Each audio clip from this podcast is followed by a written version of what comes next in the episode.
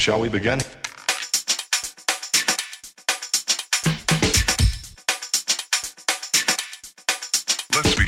Jeden podcast, jedna misja, jedyne takie miejsce, w którym możesz posłuchać rozmów z podcasterami o ich podcastach i pasjach, o ich pierwszych krokach w podcastingu, sprzęcie i finansach. Przed Wami gospodarz audycji, Krystian Zych i jego dzisiejszy gość. Cześć, witam Cię bardzo serdecznie w kolejnym odcinku Rozmów o podcastach. Muszę się do czegoś przyznać. Nagranie dzisiejszego odcinka było dla mnie naprawdę bardzo, bardzo stresujące. Ale stresujące nie ze względu na moich gości, ponieważ chciałem Wam przedstawić dzisiaj dwie fantastyczne osoby, z którymi naprawdę bardzo dobrze się rozmawia, ale ze względu na moje gardło. Od kilku tygodni mam problemy z gardłem, mam- problemy z ostrzelami, bardzo ciężko mi się mówi i generalnie tak naprawdę to od kilku tygodni powinienem całkowicie milczeć. Kolejnym problemem było samo nagranie. No bo niby z Wrocławia do Poznania, czy też z Poznania do Wrocławia wcale nie jest aż tak daleko, to jednak z moimi dzisiejszymi gośćmi spotkaliśmy się tak naprawdę w przelocie. Akurat jechali z jednej konferencji na drugą, wstąpili dosłownie na momencik, tylko i wyłącznie po to, żeby nagrać specjalnie dla Was dzisiejszy odcinek. No, ta chwilka wydłużyła się dosyć mocno i nagranie nie jest aż tak króciutkie, E, ale dzięki temu macie więcej bardzo ciekawej rozmowy. No ale niestety zabrakło już nam czasu na takie prywatne pogawędki całkowicie off the record. Mam nadzieję, że będziemy mieli jeszcze okazję nadrobić. Chciałbym Ci dzisiaj przedstawić dwie osoby. Jest to Paweł i Przemek, czyli dwóch panów na P, którzy prowadzą podcast Jak uczyć futbolu. Ale dzisiaj o futbolu za bardzo nie porozmawiamy, bo ja generalnie muszę przyznać, że na sporcie to się za bardzo nie znam, więc też nawet nie do końca wiedziałbym, jakie pytania mam zadawać. Porozmawiamy za to o podcastach. Porozmawiamy właśnie o podcaście Jak uczyć futbolu, o tym, w jaki sposób Paweł z Przemkiem zaczynali, jakie mieli na początku problemy, z jakiego sprzętu korzystali, co było przyczyną zmiany ich sprzętu i co dzięki podcastowi zyskali, bo zyskali naprawdę, naprawdę wiele. Zapraszam serdecznie do wysłuchania tej dosyć długiej, ale za to mega ciekawej rozmowy z Pawłem i z Przemkiem z podcastu Jak uczyć futbolu.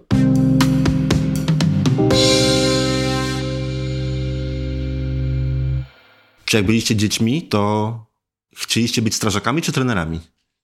Haha, piłkarzami.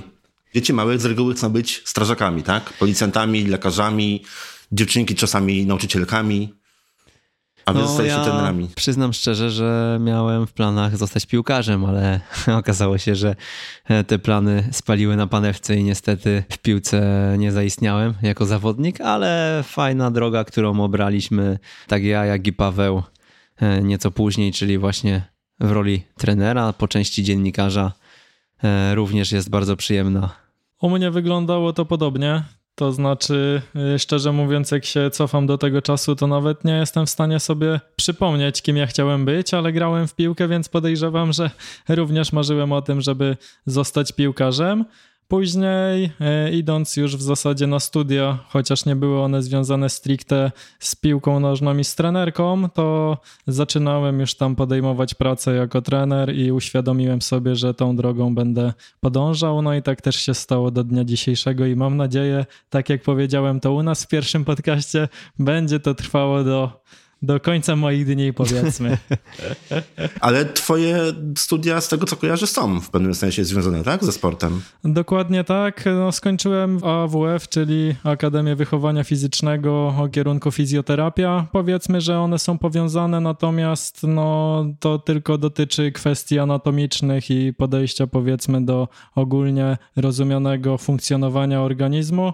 Natomiast jeśli chodzi o takie aspekty techniczno-taktyczno-mentalne, no to to jest w zasadzie troszeczkę inny warsztat, ale tam są podstawy, powiedzmy, które można przełożyć do każdej dziedziny życia.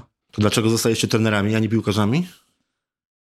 Kontuzje. Kontuzje to jest każdy No nie, trener. no nie, no nie. każdy trener żartuje sobie, bo każdy mówi, że są dwie opcje. Albo w pewnym momencie zauważyłem, że nie przeskoczę poziomu trzeciej, czwartej ligi i zostałem trenerem. Postanowiłem się poświęcić dziś w tym kierunku, a druga no to kontuzje.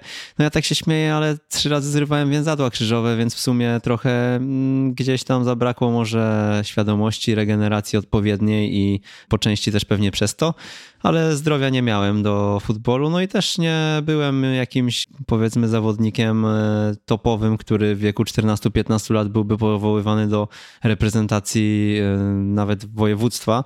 Dlatego też już później w tym późniejszym okresie e, licealnym, nazwijmy to, te marzenia dziecięce gdzieś poszły w niepamięć. Czy Messi może spać spokojnie? No Messi? nie wiadomo, bo dbamy o to, żeby było troszkę więcej Messi na polskim również podwórku. No zobaczymy, jak to będzie wyglądało. Chciałbym, żeby e, nie mógł spać spokojnie za niedługi czas. No właśnie, wy cały czas trenujecie, tak? Znaczy się trenujecie, w sensie jesteście trenerami?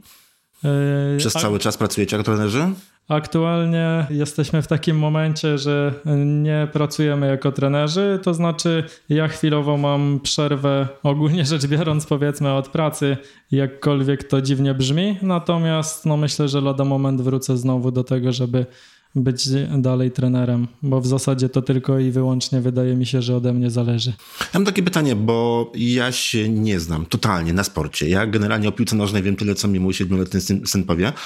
Wy jesteście trenerami z licencjami UEFA i tam się pojawiły na waszej stronie informacje A i B. Co to znaczy? Co to są licencje A, licencje B? To znaczy, że każda licencja dotyczy różnorakiej kategorii wiekowej, którą można prowadzić. To znaczy, te najniższe licencje obarczone są literką D lub C i one przeważnie są skierowane do piłki amatorskiej oraz młodzieżowej, chociaż y, tak naprawdę dają powiedzmy start do tego, żeby zrobić sobie wyższy poziom, no i przejść do właśnie licencji A lub licencji najwyższej, która jest UEFA Pro i ona daje możliwość pracy na poziomie ekstraklasy albo y, innych lig zagranicznych. Mhm, w ten sposób. No bo tak właściwie się zastanawiałem, o co, o co w tym chodzi. Mówię, No nic, i- nic mi to nie mówiło. Nie jest to jakieś bardzo skomplikowane, no po prostu trzeba sobie... Są to stopnie po prostu. Papiery jakieś, e, jakieś trzeba zrobić, tak? Stopień wtajemniczenia trenerskiego, to nazwijmy, e, jest odpowiedni, żeby być uprawnionym do prowadzenia drużyny na jakimś określonym etapie coraz wyższym. Trzeba zdobywać coraz wyższe licencje w Polskim Związku Piłki Nożnej i w wojewódzkich związkach piłki nożnej. Czyli D to jest ta najniższa, tak? Ten najniższy Tak, stopień? to jest taki weekendowy kurs. Grassroots D dotyczy w ogóle trenowania na poziomie takim amatorskim typu A-klasa, B-klasa. Potrzeba też takich ludzi, którzy są pasjonatami na takim najniższym poziomie, a nie mają jakichś większych ambicji. Natomiast już te kolejne kroki pozwalają na nieco więcej. Dobra, to już wiem. Jak to się stało, że zaczęliście nagrywać podcast? Bo no, jest jednak drobna różnica między byciem trenerem, czy byciem piłkarzem, byciem sportowcem w ogóle, a nagrywaniem podcastu. Skąd u was taki pomysł, żeby w ogóle zacząć nagrywać podcast? Wiesz co, tak naprawdę powodów jest kilka. Na pewno... e, To chociaż pewno- najważniejsze. E, Nie była to jedna kwestia. Przede wszystkim jest sami byliśmy fanami podcastów e, już dwa lata temu, kiedy one nie były wcale tak popularne. No i masowo kolejne odcinki niektórych, no tych najbardziej znanych pewnie, których również twoi słuchacze, które bardzo dobrze znają. No to, to połykaliśmy te kolejne odcinki w całości i sama formuła podcastu, czyli e, nawiązanie jakiejś takiej bliższej relacji z osobą, która go nadaje, nas zmotywowało do tego, żeby też coś podobnego stworzyć. Mm, Nie widzieliśmy przede wszystkim w branży sportowej, nie widzieliśmy w- w branży związanej z piłką nożną żadnych podcastów, żadnych wywiadów związanych też ze szkoleniem, bo nasz podcast dotyczy szkolenia piłkarskiego. E, No i nam jako trenerom brakowało trochę takich rozmów. Brakowało nam rozmów o właśnie piłce nożnej od strony szkoleniowej, nieco bardziej merytorycznych. One nawet w formie spisanej nie były zbytnio dostępne w żadnych serwisach piłkarskich czy sportowych. No i tak sobie pomyśleliśmy, może zrobimy coś w tym stylu. Ja też mam małą przeszłość dziennikarską i wiedziałem, że taka forma zbudowania jakiejś e, platformy, czy to do podcastów, czy do samych wywiadów, pozwoli nam na wypracowanie innych relacji z ludźmi, z którymi będziemy chcieli, porozmawiać. No bo jak sobie wyobrażasz, pewnie trener z e, ekstraklasy, jeśli podszedłbym do niego i zada, zaczął zadawać kilka pytań, które mnie nurtują, no nie do końca będzie miał pewnie dla mnie czas. Jako dziennikarz nieco inaczej Albo jestem nie będzie czasu, albo nie traktowany. będzie miał ochoty w ogóle z tobą rozmawiać, tak? Jeżeli przychodzisz, nie wiadomo kim jesteś. No, środowisko jest otwarte, zależy pewnie od tego, do kogo byśmy podeszli. Także tutaj sytuacja jest zależna od tego, z jaką osobą mamy do czynienia. Mhm. Natomiast, y, tak jak mówię, jako dziennikarze, jak już się zgłaszaliśmy i chcieliśmy nagrać wywiad, tak, chcieliśmy nagrać audycję, no to wyglądaliśmy już troszkę poważniej w jego oczach. Dla, dla tych osób też to jest jakaś forma promocji. No a my mogliśmy całych siebie w to włożyć i wszystkie pytania, wszystko co chcieliśmy powiedzieć, o co zapytać, mogliśmy w tej formie właśnie podcastu przedstawić. No tak, ale dlaczego podcast, a nie na przykład film na YouTubie? Jednak zdecydowanie łatwiej jest pokazać niektóre rzeczy na filmie, niż wytłumaczyć w samym nagraniu audio. Chyba jedna z rzeczy, która nasuwa mi się tutaj na myśl, to jest to, że jest to bardziej zaawansowane technologicznie też. No i wymagałoby większego, podejrzewam, nakładu czasu, żeby to wszystko zmontować i zrobić, oraz nakładów finansowych zapewne. No i też umiejętności, no bo nie ukrywajmy, że montaże filmów, no to jest y, światło, odpowiednie tło, y, musielibyśmy mieć miejsce. My to często robiliśmy w terenie, więc y, siadaliśmy sobie u Pawła w mieszkaniu, zapraszaliśmy tam gościa i tyle. I z podcastem można było startować, nic nam więcej nie było potrzeba, a z nagraniem wideo byłoby dużo trudniej, na 100%. No i poza tym też to, przecież my pokochaliśmy podcasty, to jakbyśmy mogli wchodzić na YouTube'a e, z wideo, jak przecież słuchaliśmy Michała Szafrańskiego, Marka Jankowskiego, tak, Krystiana Zycha, bo przecież my się poznaliśmy przez to, że e, mój mały, wielki biznes, tak? No tak. Dobrze kojarzę? Przejrzałem, przejrzałem historię y, naszej korespondencji mailowej, sięgał na no już 2016 roku, jeszcze zanim, kilka miesięcy zanim zaczęliście nagrywać y, swój podcast. Potem druga taka wymiana maili to była w marcu 2017. To był chyba moment, kiedy ruszaliście z podcastem, z tego co pamiętam. Tak, marzec to jest. Tak, i nawet chyba mi się Przemek chwaliłeś wtedy w mailach, a nie, nie, nie czytałem w tej chwili tej wiadomości, nie pamiętam dokładnie, co tam było. Patrzyłem tylko po datach. Chyba się chwaliłeś w tych mailach, że, że ruszyliście, że zaczynaliście, że, że właśnie zaczęliście. bardzo możliwe, pewnie dziękowałem też za pomoc, bo w doborze sprzętu nam e, nieco pomogłeś. Ty też e, udzielałeś się w tych e, miejscach związanych z podcastingiem. Ty, Borys Kozielski to były osoby, które gdzieś tam w jakiś sposób nam w ostatecznych decyzjach sprzętowych i technicznych pomagały, więc jeszcze raz dzięki, a, a, a wtedy pewnie poinformowałem, że ruszyliśmy. Do sprzętu jeszcze zaraz wrócimy, ale jeszcze mnie cały czas nurtuje ten e, temat, dlaczego podcast, a nie wideo, bo no ja rozumiem, okej, audio jest zdecydowanie łatwiej zrobić niż nagrać wideo, ale mimo wszystko jednak nie obawialiście się, że będą tematy, których nie będziecie w stanie wytłumaczyć wystarczająco dobrze, które dobrze byłoby pokazać? No na pewno to myślę, że byłaby ciekawa opcja do tego, żeby stworzyć taki format wideo. Być może w przyszłości coś takiego zrealizujemy. Ale nie żałujemy. E, Zdecydowanie nie żałujemy. No i w zasadzie jak na tamte możliwości wydaje nam się, że było to dużo prostsze. Poza tym też nie wiem jak ty Przemek, ale ja chyba nie czułbym się na siłach, żeby występować od razu publicznie, bo kamera jednak też troszeczkę powiedzmy, że deprymuje, więc pewnie byłoby to trudniejsze niż po prostu rozmowa e, przy mikrofonie tylko i wyłącznie. Nie, na pewno. Ja ostatnio szukałem jednego ze swoich starszych filmików właśnie, żeby komuś wysłać. Spojrzałem na swój filmik sprzed dwóch bodajże lat. Mówię, Jezyku, jak ja wyglądam, jak to jest zmontowane, jak to jest nagrane. To jest po prostu tragiczne. No ale kiedyś trzeba zacząć, więc w zasadzie zawsze te pierwsze rzeczy są najtrudniejsze. No wy już macie na koncie w tej chwili 20 coś 29 odcinków, tak? 29, 29 odcinków. odcinków w tym momencie.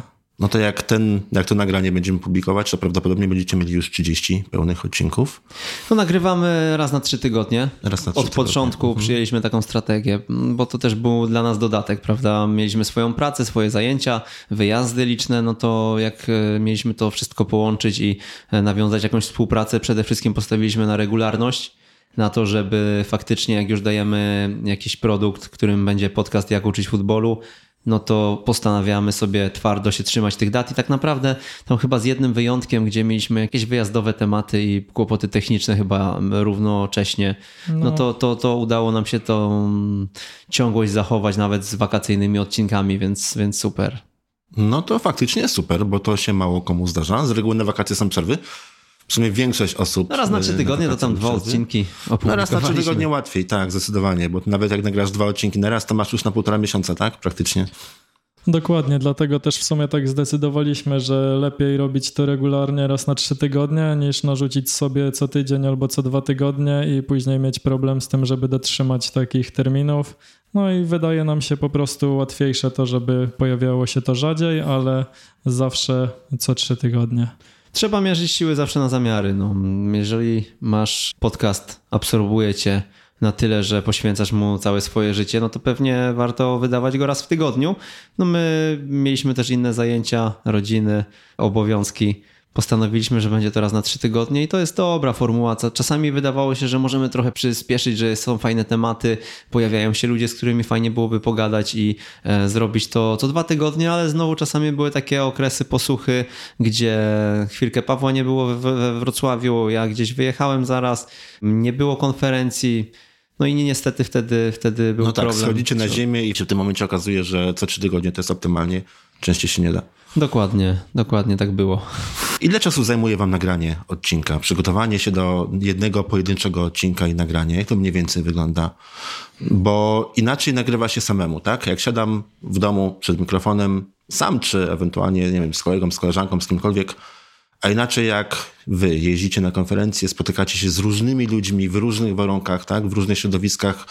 Też te osoby, wiadomo, mają swoje zajęcia, nie zawsze mają od razu czas. Jak to wygląda? No w zasadzie różnie, bo mamy odcinki, w których we dwójkę tylko rozmawialiśmy, no i jest to przygotowywanie w zasadzie tylko tematu i później przeczytanie niektórych rzeczy i ich przedstawienie w podcaście. Natomiast no, mamy ten atut, że pracujemy jako trenerzy i to środowisko znamy cały czas, więc można powiedzieć, że przygotowujemy się non-stopper, mhm. bo jesteśmy aktywni i czytamy różnego rodzaju rzeczy. Natomiast y, zapraszając danego gościa robimy sobie już taki bardziej szczegółowy research, ale nie jestem w stanie tego określić, czy trwa to dwie godziny, czy pięć godzin, czy dziesięć, bo jak wiem o tym, że będziemy rozmawiać za trzy tygodnie albo za miesiąc z daną osobą, to w zasadzie każdego dnia albo tam co drugi dzień, jak mam chwilę wolnego, to coś mi się nasunie, przeczytam i zapiszę, zanotuję o co chcę zapytać, więc jest to szczerze mówiąc ciężki temat, żeby określić go czasowo. Tutaj fajnie Paweł właśnie to ujął. My się całe życie przygotowujemy do tych rozmów. Tak naprawdę my zgłębiamy tajniki szkolenia e, na co dzień kolejne rozmowy, gdzieś tam e, pojawiają się dzięki nim nowe furtki, nowe przemyślenia, no i wykorzystujemy to w kolejnych odcinkach przy kolejnych osobach. Czyli Tematyka temat jest... rodzi nowe, nowe pomysły na nowe tematy. Dokładnie tak, natomiast e, te tematy są zróżnicowane, bo wchodzimy czasami naprawdę w bardzo duże konkrety i jedynym wymiernym chyba czasem, który możemy w jakiś sposób oszacować, no to będzie czas trwania odcinka. To można przejrzeć sobie na naszym iTunesie czy na naszej stronie. Mhm. E, natomiast, e, no, tak jak Paweł powiedział, czasami bywa tak, że jest autor książki, tak? Był Tomek Tchórz z periodyzacją taktyczną. No tą książkę się czyta cholernie trudno, naprawdę. To jest tak ciężki kawałek, że trzeba nad nią ślęczeć i myśleć po prostu i to nie jesteś w stanie więcej niż 12 stron w dzień przyjąć, bo głowa pęka od e, nawet języka, który jest dosyć mhm. skomplikowany, więc przygotować się poprzez lekturę tej książki, no to, to, to już jest No trwa, tak, tak? to już są długie godziny. Ale tak jak Paweł mówi, też bardzo ciekawą tutaj opcją jest to, żebyśmy mieli ustaloną rozmowę z wyprzedzeniem, Zazwyczaj tak bywa, no i wtedy te pytania gdzieś w głowie się pojawiają z dnia na dzień. My używamy Nozbi do wspólnej komunikacji i tam też szybkie notatki gdzieś się pojawiają. Wtedy nawet jak się czasami jedzie samochodem, to mamy jakieś głosowe notatki i tak dalej, po to, żeby właśnie wiedząc już, jaki będzie temat, kto będzie u nas gościł, to wszystko rezonowało w nas i, i za chwilkę wyrzucamy to z siebie, łączymy w jakąś strukturę, a na końcu zbieramy do kupy i ruszamy z atakiem na naszego gościa. Dużo macie pomysłów naprzód spisanych na, na następne odcinki? No w zasadzie teraz mamy na dwa miesiące powiedzmy do przodu, czyli na dwa, trzy odcinki przeważnie mamy zaplanowanych gości, natomiast mhm. wcześniej było tak, że mieliśmy listę gości, z którymi chcemy po prostu porozmawiać, no i w zasadzie cały czas to tak robimy, czyli jak już z kimś porozmawiamy, to zazwyczaj ktoś nam przychodzi nowy do głowy, kogoś poznamy i wypisujemy sobie to, niekoniecznie od razu kategoryzując, kiedy chcemy tą osobę zaprosić, ale ona po prostu jest na naszej liście i jak już tam się zaczyna planować z jakimś trzytygodniowym to minimalnie wyprzedzeniem, wtedy sobie odnotowujemy, kogo konkretnie chcemy mieć. Czyli lista, lista cały czas żyje. Dokładnie. Jak tak. już się znajdzie w naszym Nozbi temat z y, nazwiskiem potencjalnego gościa, to już nie odpuszczamy i tam, tam już się pojawiają pierwsze przemyślenia, naprawdę czasami e, z kilkunastu nawet miesięcznym wyprzedzeniem spotkania z tą osobą. Tak jak Paweł mówił, zrobiliśmy dużą listę na początku i ona jest w tej chwili trudna do wyczerpania z częstotliwością raz na trzy tygodnie. Teraz troszkę to uległo zmianie, bo ja zacząłem e, pracować w Weszło, czyli w serwisie sportowym, e, dużym serwisie sportowym, w którym też mam swoją autorską audycję Akademia Weszło Junior i też trochę nam się to zazębia, bo to są bardzo podobne audycje o szkoleniu. E, niestety tylko raz na trzy tygodnie mam przyjemność prowadzić ją z Pawłem. E, w pozostałych muszę sobie radzić w pojedynkę, ale Oj też... Pawle, jak możesz? No niestety, niestety. Tak to aktualnie wygląda. Zobaczymy, może się kiedyś coś zmieni, a może będzie to wtedy raz na trzy tygodnie. No czas pokaże, jak to będzie wyglądało. Ale myślę, że dobrze sobie radzi Przemek. Beze mnie również, bo słucham tych audycji oczywiście. Mocno go krytykujesz? po takich nagraniach? Bez ciebie? Nie, no nie krytykuję praktycznie nigdy. Po prostu daję mu swoją opinię i mówię, co mi się podobało, co było mniej interesujące. No po prostu zwykła wymiana zdań, ale myślę, że nigdy nie jest to oparte o, o właśnie krytykę, tylko jakieś takie konstruktywne wnioski, które można wyciągnąć na przyszłość. Ale wiesz, ja na przykład od Pawła bardzo dużo uwag dostaję i bardzo cenię go za to. Myślę w sumie, zresztą tak poznaliśmy, że gdzieś poprzez dyskusję wzajemnie czasami potrafiliśmy naprawdę takie tematy, o takich kłopotach dyskutować i rozkminiać kolokwialnie mówiąc, przez długie minuty czy godziny, że no stwierdziliśmy, że fajnie będzie też wspólnie stworzyć ten podcast, który też będzie polegał poniekąd na tym, że właśnie taka dociekliwość będzie przydatna. Teraz wszelkie uwagi, jakie tutaj dostaję od Pawła co do mojej pracy, no to no chyba jest osobą, która najczęściej właśnie te uwagi mi gdzieś tam przesyła, bo mamy też najwięcej kontaktu, ale jednocześnie jestem mu za to wdzięczny, no bo wiem, że to jest osoba, która e, ma jakieś pojęcie, ma swoje zdanie na temat właśnie trenowania Dużo jest osób, które gdzieś tam w środowisku, nie tylko myślę trenerskim, są niezbyt wyraziste, nie mają zdania na wiele spraw. Czasami brakuje im takiego krytycznego spojrzenia, czy nawet pozytywnego. Nie potrafią ani docenić, ani zganić, jak coś zrobisz i szczerze powiedzieć ci to prosto w oczy. No, nigdy tego nie brałem jakoś mocno do serca, bo czasami potrafimy sobie naprawdę e, strzelić takiego przysłowiowego plaskacza a mimo to no chyba i jeden i drugi przyjmuje to na klatę, bo wie, że nie ma to nic wspólnego z jakimś hejtem, tylko e, z jakąś relacją przyjacielską. No ale jeszcze nagrywacie, półtora roku, tak? Czy już dłużej będzie w tej chwili jeszcze nagrywacie? Półtora roku, no, no ja liczę, że jak najdłużej, bo tak naprawdę no ja w tej chwili się zaangażowałem, weszło w roli dziennikarza bardziej niż trenera, no i na pewno przez najbliższe miesiące, jeżeli nie wydarzy się nic mega dziwnego, to będę tam pracował, zatem e, te audycje będę chętnie kontynuował, zobaczymy co z przyszłością Pawła, bo on jest w trakcie zmiany klubu, tak jak tutaj nieoficjalnie zapowiedział, ale to już o szczegółach nie będę. No to ty zapowiedziałeś, będę... Paweł powiedział, że zrobił sobie przerwę. w innych słowach inaczej to ubrał, ale tak, tak, on tutaj teraz na jakieś oferty czeka, oferty spływają, oferty analizuje, więc czekamy co się wydarzy z jego przyszłością. Mam nadzieję, że długo będzie odpoczywał od pracy, tak jak to ujął i będziemy mogli wspólnie nagrywać kolejne odcinki, jak uczyć futbolu. Okej, okay, to skoro w takim razie dużo mówimy o, weszło kilka razy już padła ta nazwa, no to jak to poszło? Jak to, jak, to jak to wyglądało? Jak to, jak to poszło z tym weszło? Tak, nie poszło, tylko weszło. Wiesz co, no tak naprawdę w okresie letnim, czyli wakacyjnym lipiec, sierpień, pojawiła się po prostu oferta pracy dla osoby, która chciałaby się zająć e, serwisem związanym z piłką młodzieżową, dziecięcą, mhm. ze szkoleniem. Dobrze, żeby ta osoba była trenerem. No to było bardzo krótkie, zdawkowe jakieś tam ogłoszenie Krzysztofa Stanowskiego, czyli człowieka, który stworzył Weszło. Ja jako fan Weszło, bo od lat e, byłem czytelnikiem, znałem wielu ludzi stamtąd też, bo przecież też w branży dziennikarskiej troszkę się pokręciłem postanowiłem na odpowiedź, tak? E, nawet dla sprawdzenia tego, mm, z czym ten projekt się będzie jadł. Okazało się, że gdzieś tam w sierpniu się spotkaliśmy. Ramy zazębiły się w 100% z tym, co robię hobbystycznie, może bardziej, bo poza tym, że trenowałem, to w zeszłym roku my z Pawłem zjeździliśmy mnóstwo konferencji, szkoleń trenerskich, szukaliśmy inspiracji w różnych miejscach, a jednocześnie ta praca właśnie w roli osoby, która miałaby recenzować, prowadzić relacje e, z takich takich imprez, z takich eventów, osoby, która miałaby robić reportaże w szkółkach, w akademiach, e, no to jest e, coś wymarzonego chyba dla każdego trenera, myślę. Oczywiście teraz mam nowy problem, bo nie mogę czynnie zbytnio pracować jako trener, tak? Jeśli miałbym co tydzień jeszcze teraz do swojego kalendarza wpisać mecz w sobotę czy w niedzielę, no to byłoby to naprawdę bardzo trudne. Od czasu by cię zabrakło. No tak, tak. Czasu nieustannie brakuje, ale zobaczymy. Zobaczymy jak długo. Na razie jestem bardzo zbudowany tym, co robię. Mamy dużo fajnych projektów, w które jestem mocno zaangażowany, więc sprawdzam. Sprawdzam jako po części trener, ale oficjalnie jako dziennikarz, jak mhm. pracują inni, skąd chciałbym może czerpać swoją wiedzę, gdzie może chciałbym w przyszłości pracować. To jest fajne, że jest mi to dane i mam do tego dostęp. Czy to naprawdę w tej chwili są dwie audycje, tak? Jedną to jest Jak uczyć futbolu, wasz podcast, a drugą audycją prowadzoną niezależnie, ale również i przez ciebie, Przemku, to jest Akademia Weszło Junior. Weszło. Weszło mhm. Junior to jest projekt, którego jestem koordynatorem i który zajmuje się właśnie szkoleniem, piłką dziecięcą młodzieżową. To jest cały serwis. Natomiast Akademia Weszło Junior to jest cotygodniowa audycja. Ona się odbywa w czwartki o 16 na antenie Radia Weszło FM.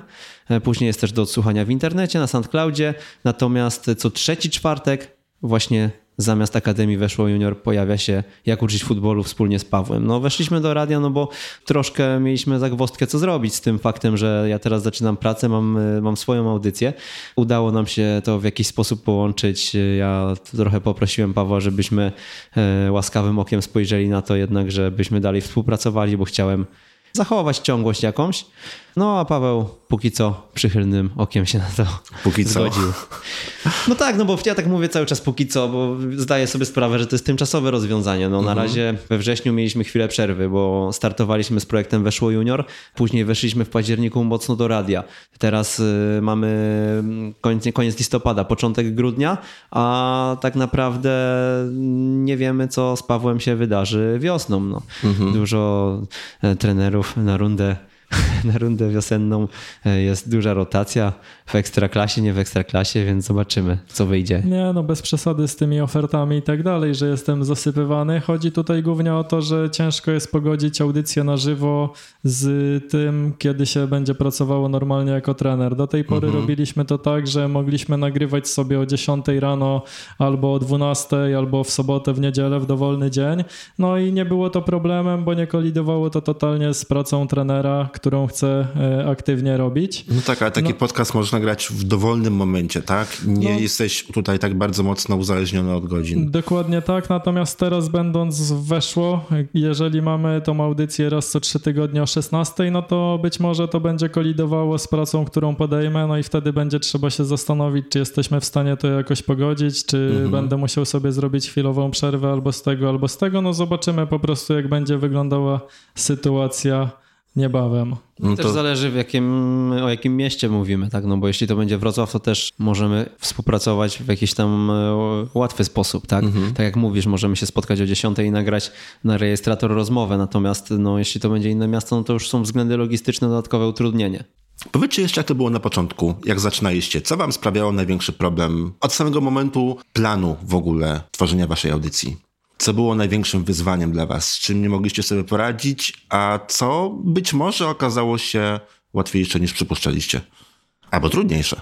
W zasadzie chyba najtrudniejsze było skompletowanie sprzętu. To znaczy, chcieliśmy zrobić to jak najbardziej profesjonalnie i chcieliśmy kupić jak najfajniejsze rzeczy, powiedzmy, w określonym budżecie, a zakładaliśmy, że będzie to w okolicach 1500 złotych.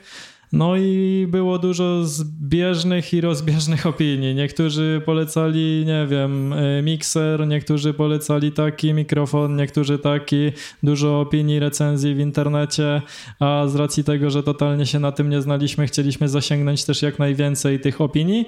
No i skonfrontować to z innymi osobami i wyciągnąć z tego te najlepsze rzeczy, które były w ramach naszego budżetu. A jeśli chodzi o jakieś tam rzeczy merytoryczne albo dogadywanie właśnie gości, no to z tym myślę, że nie było żadnego problemu i jak tylko skompletowaliśmy sprzęt, to od razu w zasadzie ruszyliśmy z nagrywaniem. No merytorycznie domyślam się, że nie mieliście problemu, bo wspomnieliście, cały czas siedzicie w temacie, tak? I, I to nie powinno wam stwarzać problemów. Chociaż jakieś tam może małe zawahanie było z odbiorem e, ludzi, szczególnie tych znajomych, którzy gdzieś powiedzmy z nami współpracowali, byli gdzieś w okolicy. Zawsze taka szydera musiała być i ona była na początku, ale to tak jest, jest takie powiedzenie, którego teraz pewnie nie przytoczę z pamięci, ale na początku są zawsze śmiechy, a później przerodziło się w to w jakiś szacunek, myślę, bo uważam, że wykonaliśmy kawał dobrej roboty przez te półtora roku nagrywania i nie tylko ci, którzy nas znali, ale ci, którzy nas później poznali, docenili to, więc fajnie z ich strony, ale ten początek wiadomo, no było to opuszczenie pewnej strefy komfortu, bo jednak wychodzimy e, z audycją jak uczyć futbolu, czyli taką po części może być to interpretowane, że oni chcą uczyć futbolu, tak? I pytanie, czy mają na tyle wiedzy, żeby... Tak, co oni wiedzą, żeby Mm, uczyć. Dokładnie, nie? dokładnie, chociaż zawsze podkreślaliśmy to, że to my chcemy się dowiedzieć tak naprawdę, jak tego futbolu uczyć i po to zapraszamy inspirujących gości, gości z najwyższej półki, żeby nam to powiedzieli, żebyśmy mogli to skonfrontować z innymi opiniami. A później w trakcie nagrywania pojawiały się jakieś takie problemy, z którymi trudno było sobie poradzić? No techniczny cały Techniczne czas. cały Techniczny. czas, no, tak? Pierwszy w ogóle okres czasu był e, z tymi mikrofonami, mikserem. Mieliśmy nawet taki filmik na Facebooku, jak Paweł idzie z tym kartonem pełnym sprzętu, gdzie jechaliśmy do Warszawy. Wyglądało to bardzo śmiesznie. Samo rozkładanie było też irytujące, podłączanie tych kabli. Jak przychodziliśmy do kogoś, kto widać było, że nie ma do końca czasu, bo to byli ludzie często z pierwszych stron gazet, tak? No to no, taki był troszkę, wydawało się może to nieprofesjonalne z naszej strony, że, że musimy się w to wszystko zagłębić. E, No i też akustyka. Akustyka to był nasz największy rywal w pierwszych miesiącach podcastowania. Pomimo tego, że też naczytaliśmy się sporo opinii i nie tylko i konsultowaliśmy to z wieloma osobami, jak powinniśmy to zrobić, na co zwracać uwagę. I wydawało nam się, że to braliśmy fantastyczne miejsce, idealne, które będzie wyciszone, wytłumione samo przez siebie. No to później, jak włączaliśmy to z odtworzenia już na komputerze, to czasami patrzyliśmy na siebie, robiliśmy tylko duże oczy i padały wtedy niecenzuralne słowa. Często nie zdajemy sobie sprawy, co tak naprawdę ten mikrofon wyłapuje, bo normalnie nie słyszy się tej akustyki w pomieszczeniu, jak jesteśmy gdzieś, nie? No szczerze mówiąc, to do tej pory nie wiem o co w tym wszystkim chodzi, bo nagrywaliśmy niekiedy w takich miejscach, w których nawet nagrywaliśmy przez 5 minut, odsłuchiwałem to i wydawało mi się, że jest ekstra. Później nagrywaliśmy całą rozmowę, i wracałem, odsłuchiwałem i mówiłem, no niemożliwe, że siedzieliśmy w tym samym miejscu i jest po prostu takie echo takie dziwne dźwięki w tle, a niekiedy siedzieliśmy w wielkim pomieszczeniu konferencyjnym, gdzie były odsłonięte w ogóle okna i tak dalej, niekiedy jeszcze uchylone i wtedy jakość była idealna, więc szczerze mówiąc, no ciężko było te kwestie techniczne nam ogarnąć i do tej pory myślę, że byśmy mieli z tym problem. To zależy też od ustawień mikrofonów, bo czasami jest tak, że mikrofony zbierają nawzajem dwie, trzy osoby, zależy ile tam tych mikrofonów jest i to też czasami jest problem. Z tym też kiedyś walczyłem właśnie, bo się okazało, że mikrofony były stosunkowo blisko siebie poustawiane przy małym stoliku i właśnie miałem takie nagranie, gdzie po prostu mikrofony wszystkie po kolei wyłapywały wszystkich po kolei. Echo jest wtedy straszne, mimo że tak naprawdę w pomieszczeniu tego echo nie ma. To, to echo właśnie spowodowane jest no po prostu pracą mikrofonów, tak? No to już ty jesteś specjalistą, ja tak samo do dzisiaj nie mam zielonego pojęcia, jak to sprawdzić, bo byłem e, półtora miesiąca temu w Lizbonie, tam nagrywałem jedną rozmowę właśnie, którą puszczaliśmy z odtworzenia w radiu. No i czytelnicy, słuchacze, nie czytelnicy, pytali, czy nagrywaliśmy to w jaskini, więc też wyszło śmiesznie, a przecież przygotowałem oczywiście ten salon, w którym nagrywaliśmy naprawdę profesjonalnie, bo nawet prosiłem o zasunięcie roletek, tak? Podstawy jakieś tam, no, no nie, nie mam pojęcia do dzisiaj, Cieszę się, że w pewnym momencie po siódmym odcinku przeszliśmy na nieco inne rozwiązanie, bo ten cały sprzęt, te wszystkie mikrofony, stojaki, statywy, kable i mikser zamieniliśmy na rejestrator e, Zoom H2n. Ale to od sprzętu zawsze Paweł się bardziej tutaj zagłębiał, on to wszystko weryfikował, to może niech on opowie. Dobra, to jaki sprzęt mieliście na początku? Z jakiego sprzętu korzystacie teraz?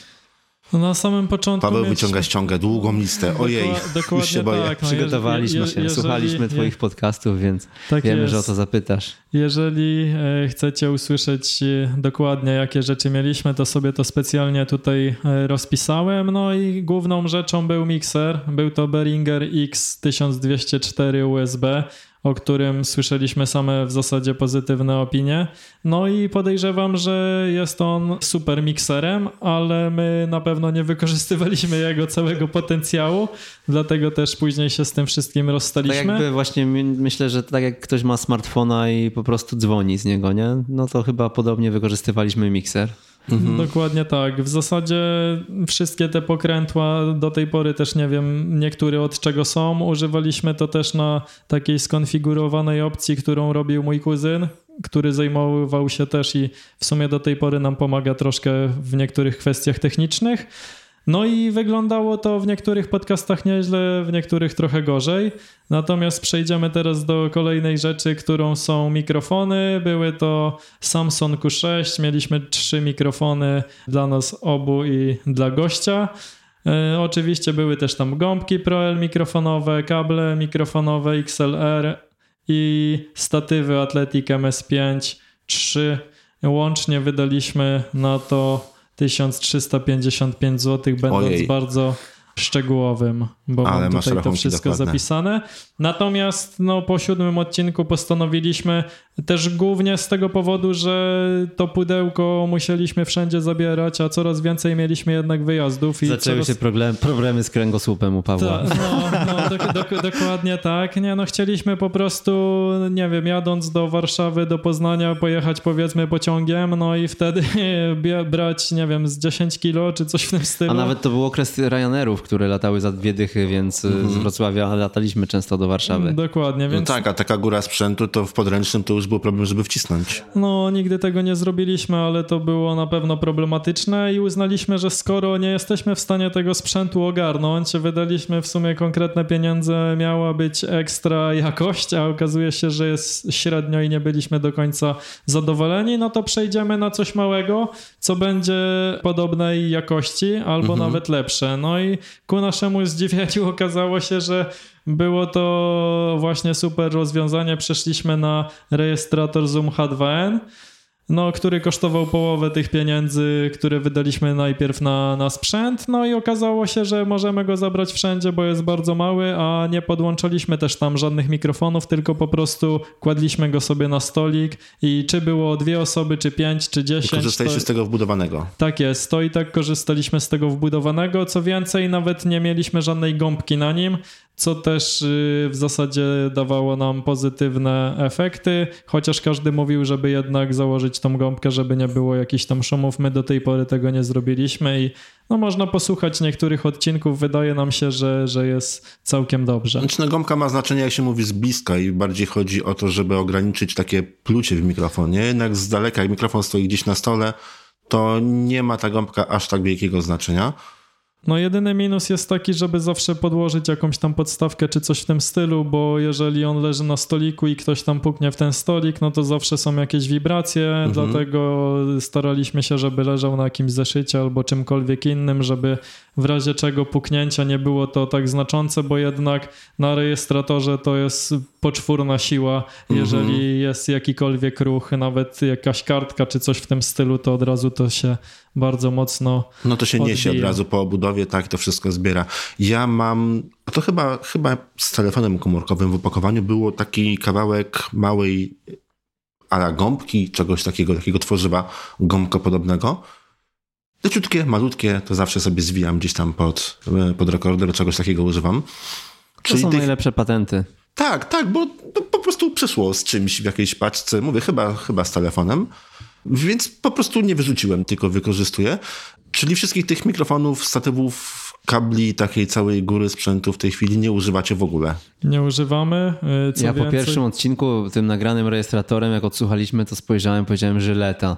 Żyleta naprawdę w porównaniu do tego, co przeżywaliśmy wcześniej, no bo trochę się napracowaliśmy, tak jak mówi, mówił Paweł o researchu, o e, przygotowaniu odcinka, o stworzeniu całej jego struktury, zaproszeniu gościa, spotkania się z nim nierzadko w e, innym mieście. E, No, no i później z fajnej, merytorycznej rozmowy okazywało się, e, że wyszła lipa pod kątem technicznym, bo było słychać echo, czy też mieliśmy problem z poziomem głośności. wtedy, bo akustyka to było jedno, ale też właśnie nie wiem czemu niektóre odcinki były strasznie ciche i do dziś rozmowa na przykład z Rafałem Ulatowskim z drugiego odcinka, bardzo fajna rozmowa, która dla młodych trenerów jest świetnym, myślę, poligonem doświadczalnym, nazwijmy to, no to jest bardzo cicha i jak ktoś w samochodzie chciałby jej posłuchać, to podejrzewam, że miałby z tym problem. No ale jak usłyszałem ten pierwsze nagranie rejestratorem, to już powiedzieliśmy sobie, na pewno sprzedajemy pozostałe części układanki, z którą zaczynaliśmy i zostawiamy tylko H2N. No H2N to jest malutki przy tym całym sprzęcie, który mieliście, bo on tak naprawdę jest wielkości gąbki, tak? Od mikrofonu, który te, którego przedtem używaliście. Zdecydowanie. Ja chciałbym tylko powiedzieć, że ten sprzęt, który mieliśmy, to jestem przekonany, że on jest na pewno dobry, tylko po prostu tak. wykonawcy, czyli my nie byliśmy w stanie tego jednak dostatecznie dobrze ogarnąć, żeby można było tym dobrze nagrywać. No i ponadto główną przyczyną było to, że jednak wielkość tego i nasze wyjazdy i nagrywania no, powodowały to, no, jest że to sprzęt zdecydowanie niemobilny, coś, tak? Tak jest, na coś mhm. mniejszego. Mhm. No, mikrofony Samsung Q6, w tej chwili y, macie, wy we dwójkę akurat, bo ja mam trochę inny, macie mikrofony Samsung Q7. To jest prawie taki sam model, one się bardzo niewiele różnią i ja sobie te mikrofony bardzo chwalę. Jeżeli chodzi o ich jakość, jakość dźwięku, o poziom szumu, no wiadomo, nie są to mikrofony studyjne, tak? Profesjonaliści, zawodowcy używający sprzętu radiowego na pewno by czegoś takiego nie kupili. Natomiast na potrzeby podcastu uważam, że jest to naprawdę dobry sprzęt no i przede wszystkim niedrogi. No, trzeba sobie też odpowiedzieć na pytanie, jak ten podcast ma wyglądać. No pewnie uruchamiając go często nie wiemy tego jeszcze tak na dobrą mm -hmm. sprawę, ale my na przykład mieliśmy ten kształt w głowie mm, rzadko kiedy nagrywaliśmy sami odcinki. Było kilka takich tak naprawdę epizodów, natomiast większość to były jednak formy wywiadów. Y, no i korzystając z tego, że wiedzieliśmy, no to trochę daliśmy ciała, że jednak poszliśmy w kierunku tego dużego sprzętu rozbudowanego, a nie czegoś, co możemy ze sobą przewieźć na konferencję, tam spotkać się z gościem w kawiarni czy gdziekolwiek i rozmowę nagrać. Ale ja sposób. zrobiłem to samo. Ja też po, w pewnym czasie sprzedałem mikser. Miałem też Behringera z tym, że 1202. Bardzo podobny model, ma po prostu troszkę mniej wyjść tylko. I też stwierdziłem, że tak właściwie z tych pokręteł, które tam są, to mało co jest przeze mnie wykorzystywane, bo poza głośnością właściwie nic.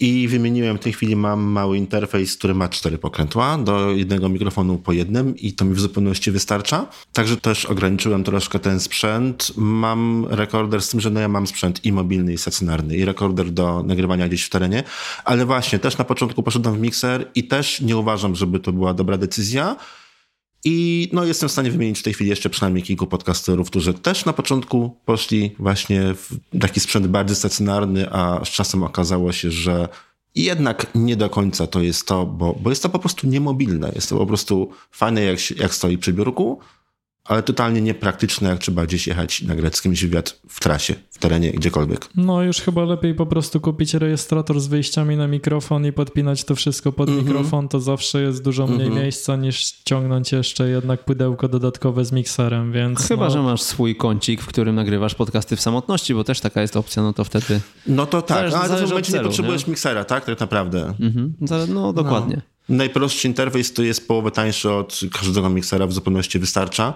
Albo ewentualnie mikrofon na USB, aczkolwiek mikrofon na USB są trochę droższe. My w sumie byliśmy też tego zdania, że chcemy kupić sprzęt, który będzie służył nam przez lata. No i w zasadzie na to liczyliśmy, dlatego mhm. też zdecydowaliśmy się wydać troszkę większe pieniądze, żeby po prostu to było bardzo bardzo dobre. No okazało się jednak, że można było zacząć po prostu od bardziej ekonomicznej opcji, która docelowo okazała się, że. że okazała się lepszym rozwiązaniem. Dokładnie tak. No tak, no ale gdybyście nagrywali tylko i wyłącznie stacjonarnie w jednym miejscu, to z tamtego sprzętu pewnie byście korzystali przez cały czas. Na pewno, na pewno tak, bo nie byłoby wtedy żadnego problemu. Mhm, nie byłoby powodu, żeby to wymieniać na cokolwiek innego. Dokładnie. Czyli w tej chwili jest to tylko i wyłącznie jeden mały rekorder, który po prostu stawiacie na środku stołu, tak? Dokładnie I tym nagrywacie tak. wszystko. No w zasadzie teraz nagrywając weszło, no to już nie stawiamy tego rejestratora, tylko mamy tam profesjonalny sprzęt, natomiast nie jesteśmy w stanie o nim opowiedzieć, mhm. bo jest to studio normalnie radiowe i no i sprzęt jest najwyższej jakości, zresztą odbija się to również na tym, co można usłyszeć w ostatnich odcinkach naszego podcastu. No tak, ale często jest to sprzęt, gdzie cena jednego mikrofonu to jest tyle, co samochód, który stoi przed domem. No, podejrzewam, że aż tak nie jest, ale na pewno jest to bardzo dobrze wyposażone studio. To wiemy już, jakiego sprzętu używacie, to jeszcze jak wygląda proces edycji później. Paweł, do ciebie rozumiem to pytanie. Dokładnie tak. Ja w zasadzie za ten temat odpowiadałem. Pracowałem w dwóch programach. Jeden to Audacity, drugi to Adobe Audition. No i w zasadzie do tej pory mm, robię to albo w tym, albo w tym. Nie wiem od czego to zależy. Czasami odpalam ten, czasami ten.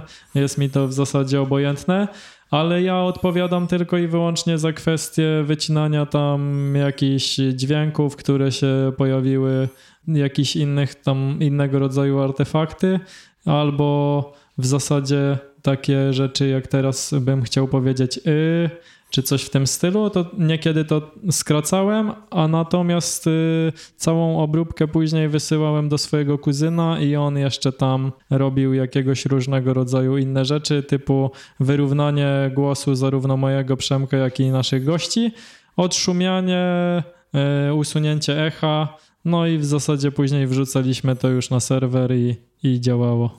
Właśnie, tam to czary Marek chciałem zapytać, ale rozumiem, że nie będziesz wiedział, co tam się dalej dzieje. Czary Mary to niestety nie do mnie i brakuje tutaj mojego kuzyna, więc Ale nie, Patryk nie będziemy... w Poznaniu, nie? No tak, Patryk No możecie w się Poznaniu, więc spotkać, można go pogadać. zaprosić. Chociaż on zajmował się w zasadzie tylko dlatego tym, bo go o to poprosiłem i, i nie robi tego za żadne pieniądze ani, ani innym osobom, tylko po prostu Mhm. z czystego powiedzmy małego hobby wobec mnie. Z powołania. Dokładnie. Został przemuszony przez rodzinę, głupią było odmówić. Mm, Chyba tak. Chociaż może by się chciał już z tego wycofać.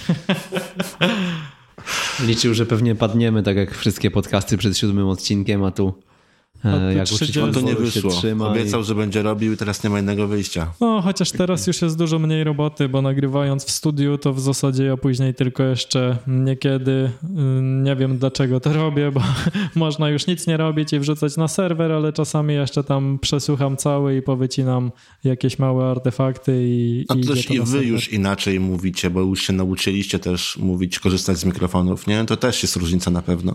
No. Zresztą, jak posłuchałem sobie y, niedawno pierwszego odcinka, specjalnie właśnie puściłem sobie pierwszy odcinek i ostatni, no to róż, różnica jest kosmiczna.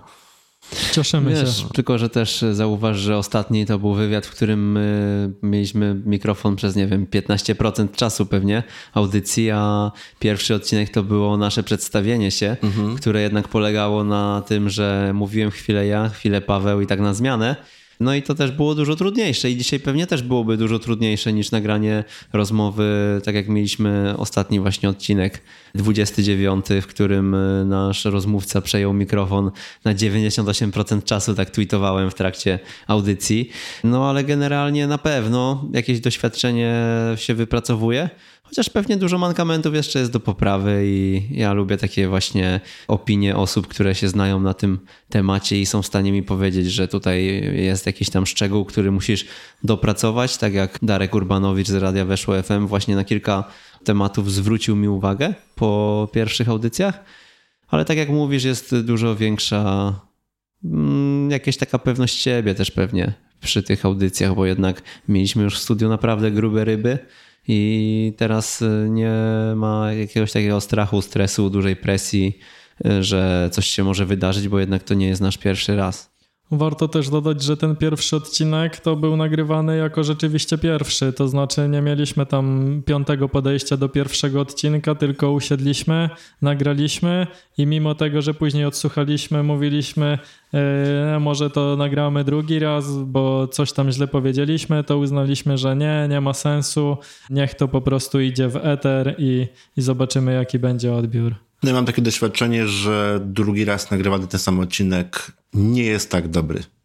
Także nawet jak z, pierwszego, z pierwszej wersji nie jesteś zadowolony, to przynajmniej te, które ja miałem okazję nagrywać dwa razy, bo nie wiem, rozmówcy się nie podobało na przykład jakość nagrania albo były jakieś pro- problemy techniczne z nagraniem, właśnie zauważyłem, że te drugie to już nie jest to samo.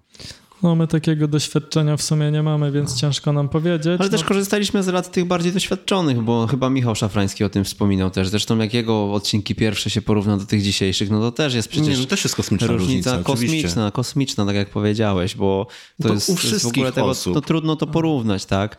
Ale no, fajne doświadczenie z miesiąca na miesiąc. Ja na przykład teraz wchodząc do radia dwa miesiące temu, no to też y, wydawało mi się, że już jednak y, w miarę okiełznałem ten mikrofon, ale pierwszy odcinek był naprawdę stresujący. Mało kto to może wyczuł, ale przy tym pierwszym odcinku na przykład moja żona mocno zwróciła uwagę na mój głos, który gdzieś tam drżał w pewnym momencie, ale no jednak wszystkiego się można nauczyć, jakieś pewne modyfikacje już wprowadziłem z następnymi tygodniami i, e, i, i gdzieś tam idziemy ku lepszemu. Tak, no pierwsze nagranie zawsze będzie bardziej stresująca sytuacja. Tak, no jesteś na antenie, na której jest kilkuset y, też słuchaczy już i teraz wiesz, że y, nie możesz zawieść takich, no bo to jest, robisz to pod nazwiskiem, masz y, gościa, który też oczekuje od ciebie profesjonalizmu. No jest to fajne wyzwanie też jako po prostu po ludzku, no, nie tylko jako trener, jako y, rozwijanie swojego warsztatu, ale też y, jako takiego, takich umiejętności miękkich myślę też jest fajne pole do, do popisu. No i też nie powiesz, stop, Paweł, tu wycinamy ostatnie 5 minut, Tak, tak. Tutaj bo to idzie na żywo. To tutaj duży luz mieliśmy z tym.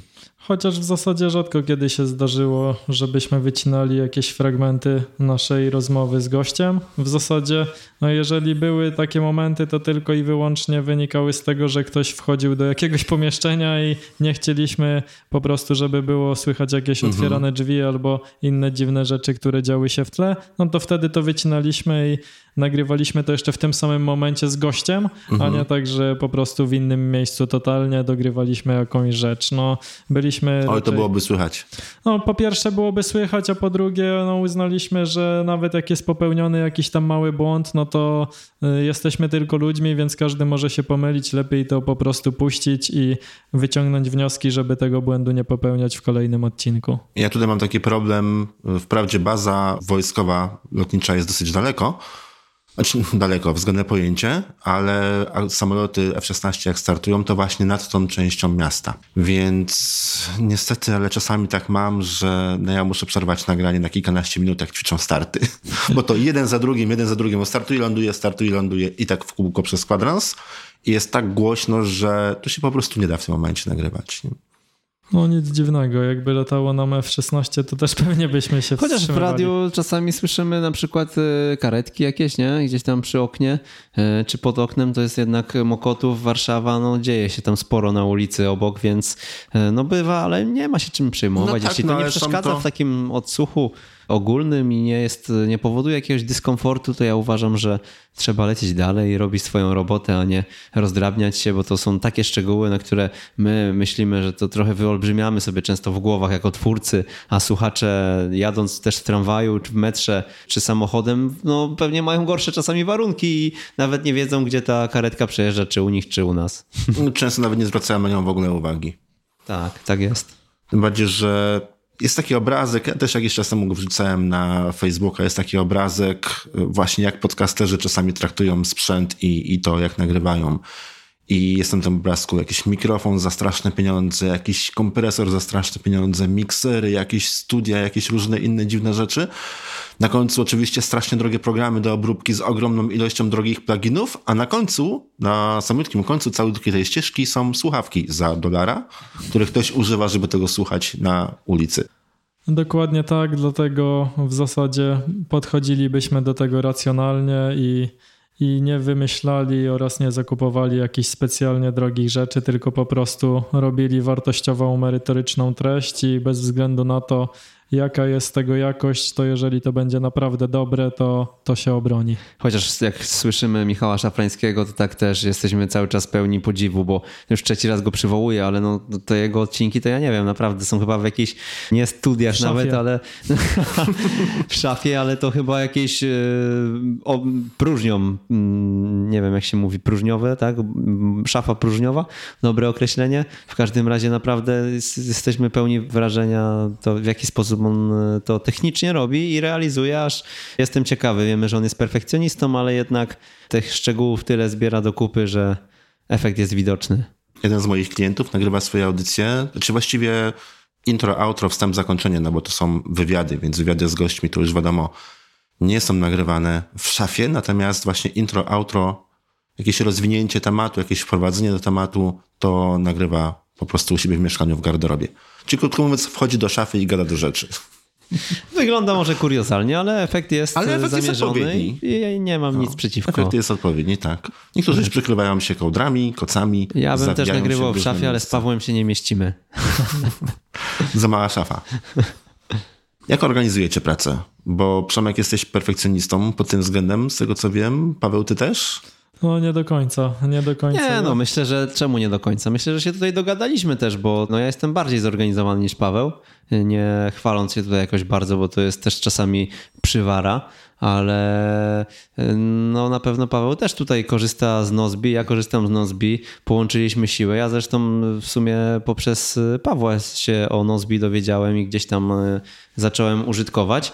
E, Miałem swoje jakieś systemy wcześniej organizacji czasu i planowania życia, że tak powiem.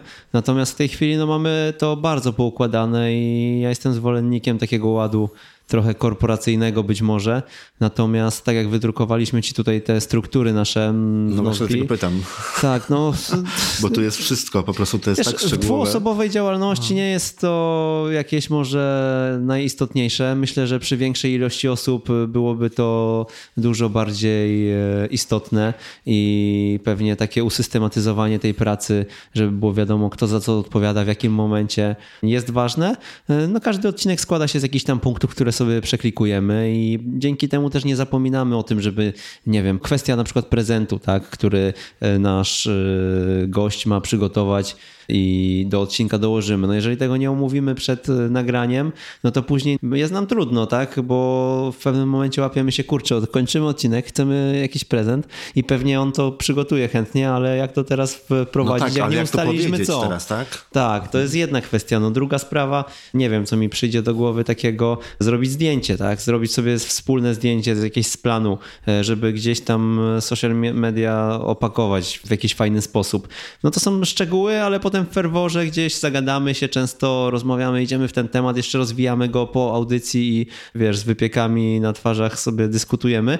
No potem każdy się rozjeżdża w swoją stronę, a zdjęcia nie ma, już tego nie nadrobimy w jakiś sposób, więc to są szczegóły, które warto sobie usystematyzować. My tych punktów mamy kilkanaście do odcinka. Tutaj się możemy pochwalić też, myślę, bardzo dużym e, przyłożeniem się może do sprawy marketingowych, czyli nie tylko stworzenie dobrego odcinka podcastu, ale też potem jego promocja jest bardzo ważna. I taki plan promocji też mieliśmy bardzo dobrze stworzony. Mówię bardzo dobrze, no bo podcast istnieje, jest, ma się dobrze, mamy swoich wiernych słuchaczy, podchodzą do nas ludzie, przybijają piątki na konferencjach, mówią, że robimy fajną robotę, więc uważam, że ta fajna robota faktycznie jest wykonywana. No i teraz jak to robimy? No, nie ma przypadku, że w tym dniu nasz post pojawia się na grupie trenerów, na przykład na Facebooku, w inny dzień wychodzi newsletter, w jeszcze inny pojawia się na przykład na fanpage'u twitterowym. W kolejny nasi partnerzy, z którymi współpracujemy, bo publikujemy też na przykład w czasopiśmie Asystent Trenera nasze artykuły. Mamy jakichś tam innych partnerów, są media klubowe z osobą, z którą się spotykamy często. Często te osoby są influencerami, mają swoje fanpage, mogą też się podzielić tym, że były u nas w podcaście, więc mamy przygotowane też szablony wiadomości, ja za to odpowiadam akurat tutaj w tej naszej relacji i rozsyłamy to w odpowiednim dniu. Jest to na taki powiedzmy tydzień rozbity i jak ktoś śledzi wszystko, no to ma tydzień e, informacji o jak uczyć futbolu, ale takich osób Jesteście jest mało. wszędzie, tak? Z lodówki też wychodzicie? No wtedy, wtedy pojawiamy się w tych źródłach, które- które do trenerów trafiają, tak? Ale jeśli ktoś jest tylko w jednej grupie, śledzi tylko jedną z tych osób, jednego z tych partnerów, no to widzi tylko jeden wpis i dzięki niemu trafia do nas, odsłuchuje odcinek nowy. Czyli to wszystko macie w Nozbi rozpisane? Tak jest. Mamy I każdy odcinek rozpisujecie jako osobny projekt, tak? Każdy jest takimi szczegółami? Mm, W zasadzie to jest y, jedno zadanie tak naprawdę z podpunktami ułożone. E, Jeśli chodzi o, o odcinek i jego jakieś tam e, wypunktowanie właśnie tych wszystkich e, kwestii, bo śmiałeś się z nas, że wyciszanie telefonów tam się też znalazło. Tak, jest. No jest, jest tu też na liście. Wyciszanie telefonu, Tak, rozgrzewka. zdjęcia, rozgrzewka, tak. Zdjęcia z planu. Dokładnie. No to to wszystko mamy w projekcie, który klonujemy sobie zawsze i tworzymy Mhm. nowy projekt z numerem e, numerem kolejnego odcinka plus e, imieniem, nazwiskiem gościa, żeby też nam się to łatwo i czytelnie wyszukiwało. Natomiast jeśli chodzi o ten projekt e, związany z promocją, no to jest to projekt, który po prostu e, odznaczam sobie punkt po punkcie i mm, jest cykliczny co trzy tygodnie. Już promocja, tak się nazywa. No i tak sobie działamy, tak? No myślę, że jest to istotne, bo dużo osób, e, ja z obserwacji gdzieś e, miałem takie wrażenie, że dużo osób wkłada ciężką pracę i tworzy fajny odcinek, a później nie opakowuje tego w żaden sposób, nie chwali się tym odcinkiem. No i być może myśli, że dotrze do tych, którzy subskrybują na przykład e, w jakiejś aplikacji e, ten podcast, ale to jest często mylne wrażenie. Ja wiem, z czego to wynika. To bardzo często wynika z tego, że nie chcemy wychodzić z lodówki każdemu, tak? I wielu, wielu osobom się wydaje, że jak już nagrali odcinek, to znaczy, że są wszędzie. I niektórzy nie chcą, niektórzy się krępują, niektórzy się boją, a niektórzy po prostu najzwyczajniej nie wiedzą, jak to wszystko zrobić. No, my w zasadzie tego nie robimy. Nie ująłbym tego tak, że wyskakujemy z lodówki. Po prostu mamy kilka rzeczy, w których chcielibyśmy się pojawić. No i jest to tylko tydzień, i w każdym dniu wrzucamy tam mm, swój po prostu post, Mhm. ale y, nie dostaliśmy nigdy sygnału od osób, żeby, y, że, żeby ktoś się wszędzie, skarżył. tak? Tak Że zbyt jest. nachalni czy coś w tym stylu. No wiesz, jesteśmy też raz na trzy tygodnie w każdym z tych źródeł. Pojawiamy się raz w każdym z tych źródeł, bo to nie jest tak, że wrzucamy pięć postów w jedno miejsce, tak? No ale wierzymy w to, że dajemy też wartość, tak? Także to nie jest też wklejanie spamu, wypełnijcie ankietę albo, nie wiem, kliknijcie w naszą reklamę, tylko macie fajną, merytoryczną rozmowę, z której możecie skorzystać, jeśli macie ochotę. Natomiast e, raz na trzy tygodnie to nie jest też e, takie właśnie wrażenie, że jest tego za dużo. A korzystacie z reklam przy promocji odcinków? Reklam na Facebooku czy w Google, gdziekolwiek? Nie, w ogóle w tego nie mieliśmy Ja no, praktycznie ra- do raz, czynienia. Raz, raz próbowaliśmy chyba na Facebooku. tak, ale to była ale, taka próba, że ale w sumie. to były takie pieniądze, że Tak, jakieś tam 12 zł próbowaliśmy, żeby własny warsztat, że tak powiem. e, żeby sprawdzić poszerzyć, Facebooka po no. prostu. Ale to Żeby nawet chyba nie było z odcinkiem? Nie pamiętam, gdzie my to. Tak, z odcinek? odcinkiem, z odcinkiem, z jednym odcinkiem, natomiast, Mhm. no tak jak mówię, to już były te czasy chyba, gdzie Facebook też y, wymaga większych kwot i chyba Mhm. z jakąś tam określoną częstotliwością, żeby to miało wpływ, więc uznaliśmy, że nie będziemy się w to bawić. No nie no, 12 zł to ten Facebook tam nawet nie zauważył tej waszej wpłaty. Podejrzewam, że tak. My też nie zauważyliśmy, że coś się Efektów. działo. Efektów, tak. Tylko poczuliśmy, poczuliśmy po kieszeniach. Czyli bazujecie tylko na tych, że tak powiem, zasięgach organicznych. Dokładnie w tak. sposób. Możecie się pochwalić statystykami? No myślę, że tak. One są, to znaczy lajków na Facebooku mamy około 3000. Zresztą to był też taki motor na młyn, woda na młyn, bo my bardzo szybko dobiliśmy do pierwszego tysiąca, chyba nie wiem, po dwóch, trzech miesiącach. E, jakieś tam środki treningowe, jakimiś się dzieliliśmy, dzieliliśmy też e, treściami, które przyciągnęły bardzo szybko, właśnie publikowane w tych grupach trenerskich, bardzo szybko przyciągnęły trenerów i tak jeden drugiego napędzał, e, że pojawiło się tysiąc lajków. Stwierdziliśmy, dobra, to ruszamy z podcastem, bo taki mieliśmy zamysł. Ruszyliśmy szybciej niż myśleliśmy, bo planowaliśmy to zrobić dużo później. No i to jeśli chodzi o Facebooka, tak wygląda. Na Twitterze też się tam raz na jakiś czas udzielamy, no to jest tam, nie pamiętam, około 400 może followersów. Natomiast no to są, nie są jakieś wielkie machiny, ale też no, zwróćmy uwagę też na bardzo wąską grupę odbiorców, których mamy, bo jednak no, to szkolenie piłkarskie nie jest. No tak, no nie jest to podcast dla każdego, kto lubi kopać piłkę, tak? Dokładnie i też e, ta grupa trenerów jest jednak e, trochę węższa niż grupa kibiców na przykład. I jeszcze z nich nie wszyscy słuchają podcastów. Tak jest, ale zadowoleni jesteśmy na przykład z e, liczby odsłuchań odcinków, bo najlepszy, chyba najbar- najczęściej słuchany odcinek, podcast z trenerem Markiem Śledziem, to jest ponad 2000 wyświetleń.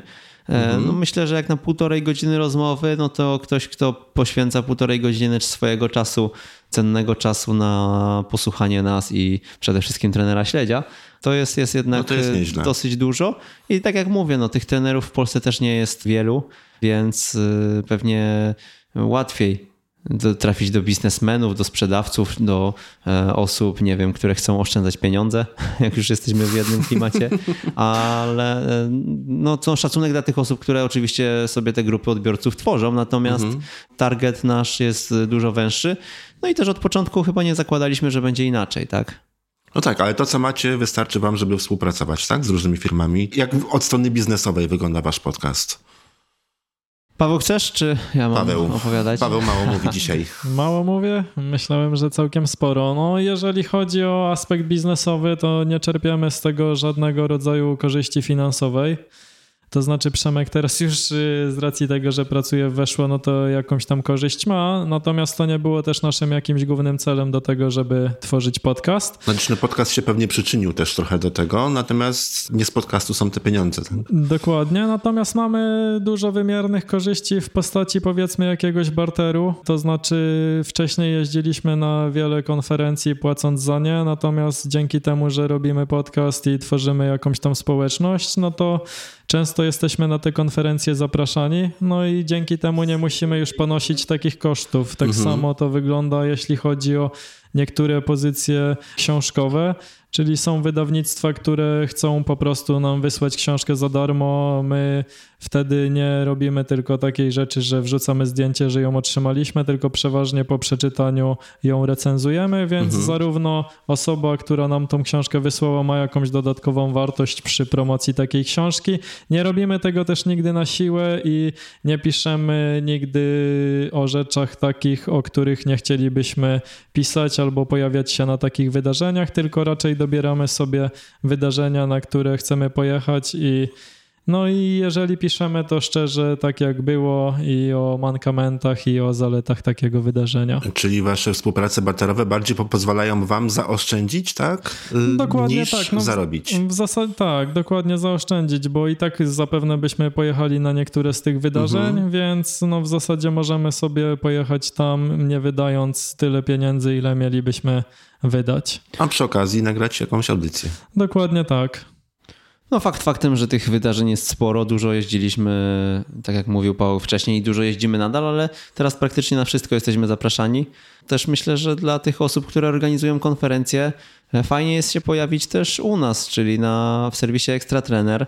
Jeśli grono trenerów, które nas czyta, które nas słucha, w jakiś sposób ufa też naszej opinii, no to ktoś, kto tworzy fajną konferencję, interesującą, ściąga gości którzy zrobią dobrą robotę na scenie, no to nie ma się czego wstydzić i chcę, żebyśmy my to zobaczyli na własne oczy i opisali po prostu. A nie mieliście takich problemów, że osoby organizujące konferencje czy różne wydarzenia nie do końca wiedzą, czym w ogóle jest podcast?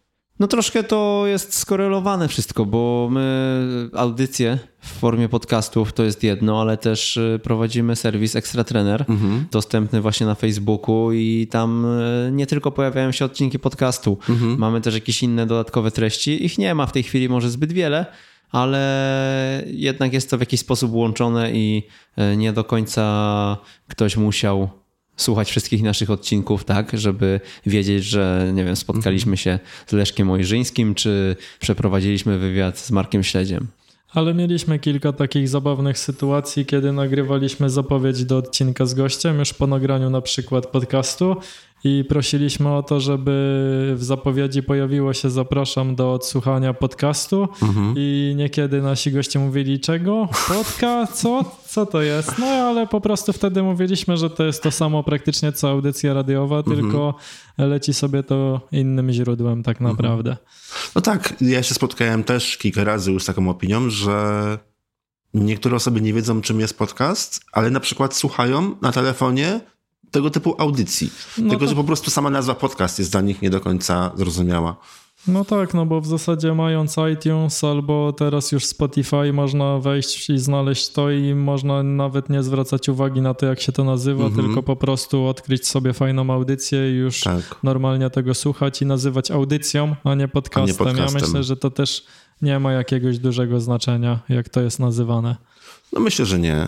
Na stronie internetowej macie kilka zakładek. Tam oprócz podcastu są jeszcze szkolenia i książki. To też z waszej współpracy barterowej, czy to są wasze dzieła? W zasadzie szkolenia to można traktować i jako barter i nie, bo tam się pojawiają wszystkie wydarzenia, jakie tylko do nas dotrą, czyli sami śledzimy to. Aha, oraz... czyli jest to ba- właściwie bardziej baza informacji, tak, jest, niż baza, oferta. Baza informacji niż oferta, dokładnie tak. Wrzucamy tam w zasadzie wszystkie wydarzenia, jakie tylko znajdziemy oraz do nas dotrą. Znów coś, czego brakowało naszym zdaniem, tak? Bo my jako trenerzy, chcąc jechać na jakieś konferencje, fajnie byłoby, gdybyśmy mieli taki kalendarz, tak? Tak sobie myśleliśmy przed laty. W tej chwili można wejść na stronę ekstratrener.pl, wejść w zakładkę, tak jak mówisz, szkolenia i znaleźć sobie ten kalendarz y, w takiej formie, w jakiej my go prezentujemy.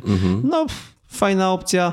Korzystają też niektóre osoby, więc y, organizatorzy konferencji chcą się u nas pojawić. A jeśli chodzi o książki, to w zasadzie tam też mamy dwa takie podpunkty polecane. To są te pozycje, które my przeczytaliśmy i polecamy je, żeby wzbogacać swój warsztat trenerski. No i ogólnie książki, które dotykają tematyki trenerskiej i można z nimi również się zapoznać, ale od, nie wiem, dwóch miesięcy, trzech postanowiliśmy podłączyć tam linki do Ceneo i sprawdzić ten program afiliacyjny.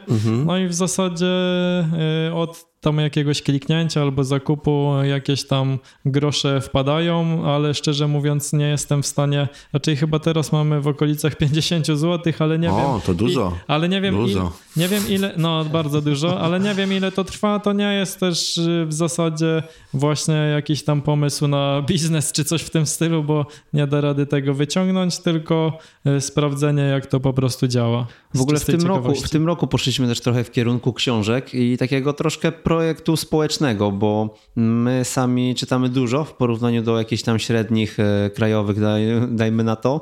E, I stworzyliśmy nawet takie wyzwanie.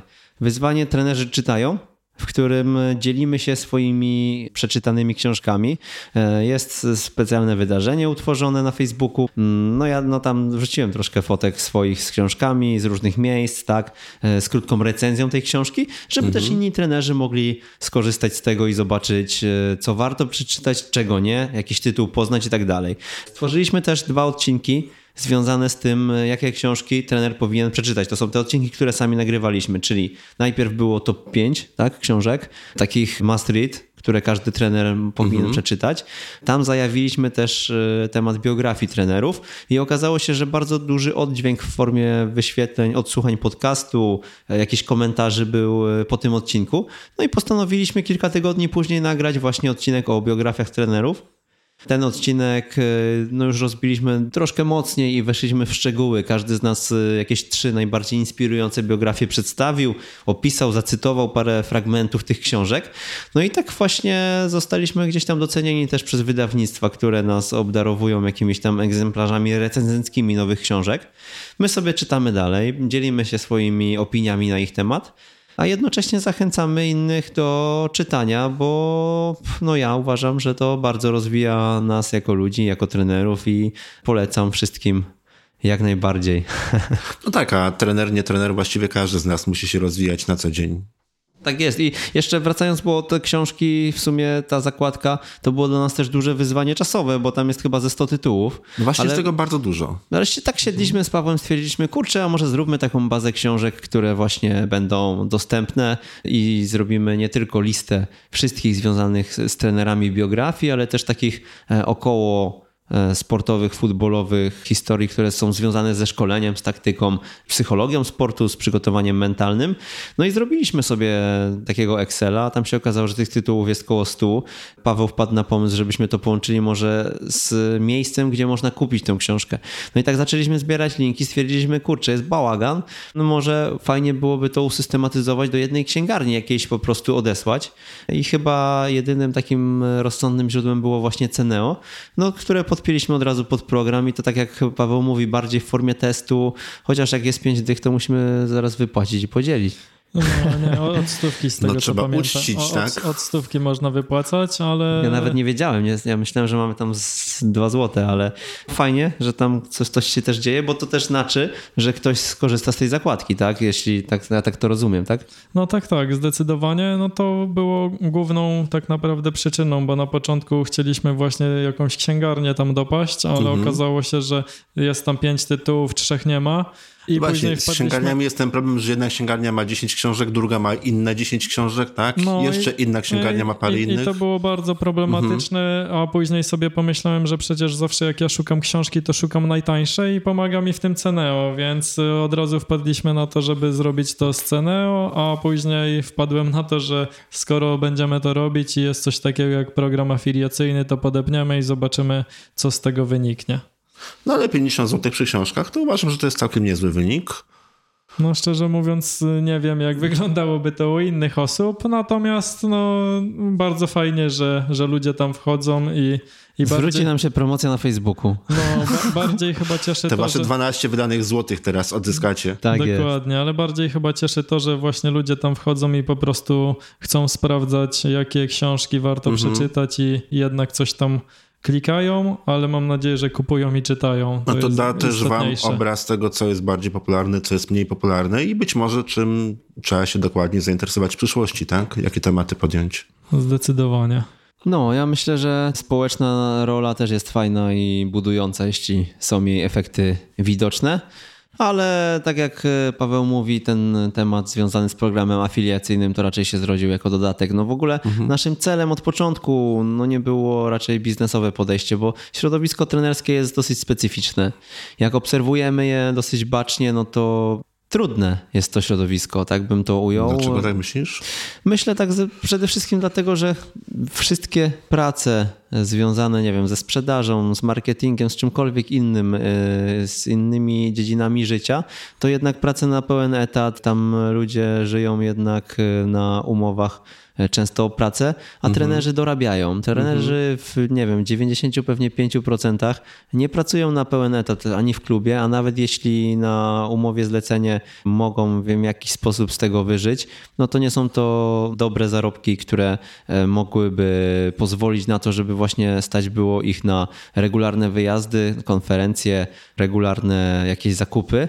I przez to też podejrzewam, że może to jest jakaś nasza nieudolność marketingowa, ale ja uważam, że środowisko jest trudne i bardzo trudno byłoby nam zarobić na tej działalności podcastowo-fanpage'owej, ale też e, nigdy to nie był nasz cel i priorytet, bo bardzo mocno trzymamy się idei i takiego podejścia jednak do wartości. Cały czas chcemy dawać wartość, najwyższą wartość i mm, no, ciężko nas byłoby przekonać do jakiegoś e, projektu, który byłby bardziej komercyjny niż idealistyczny.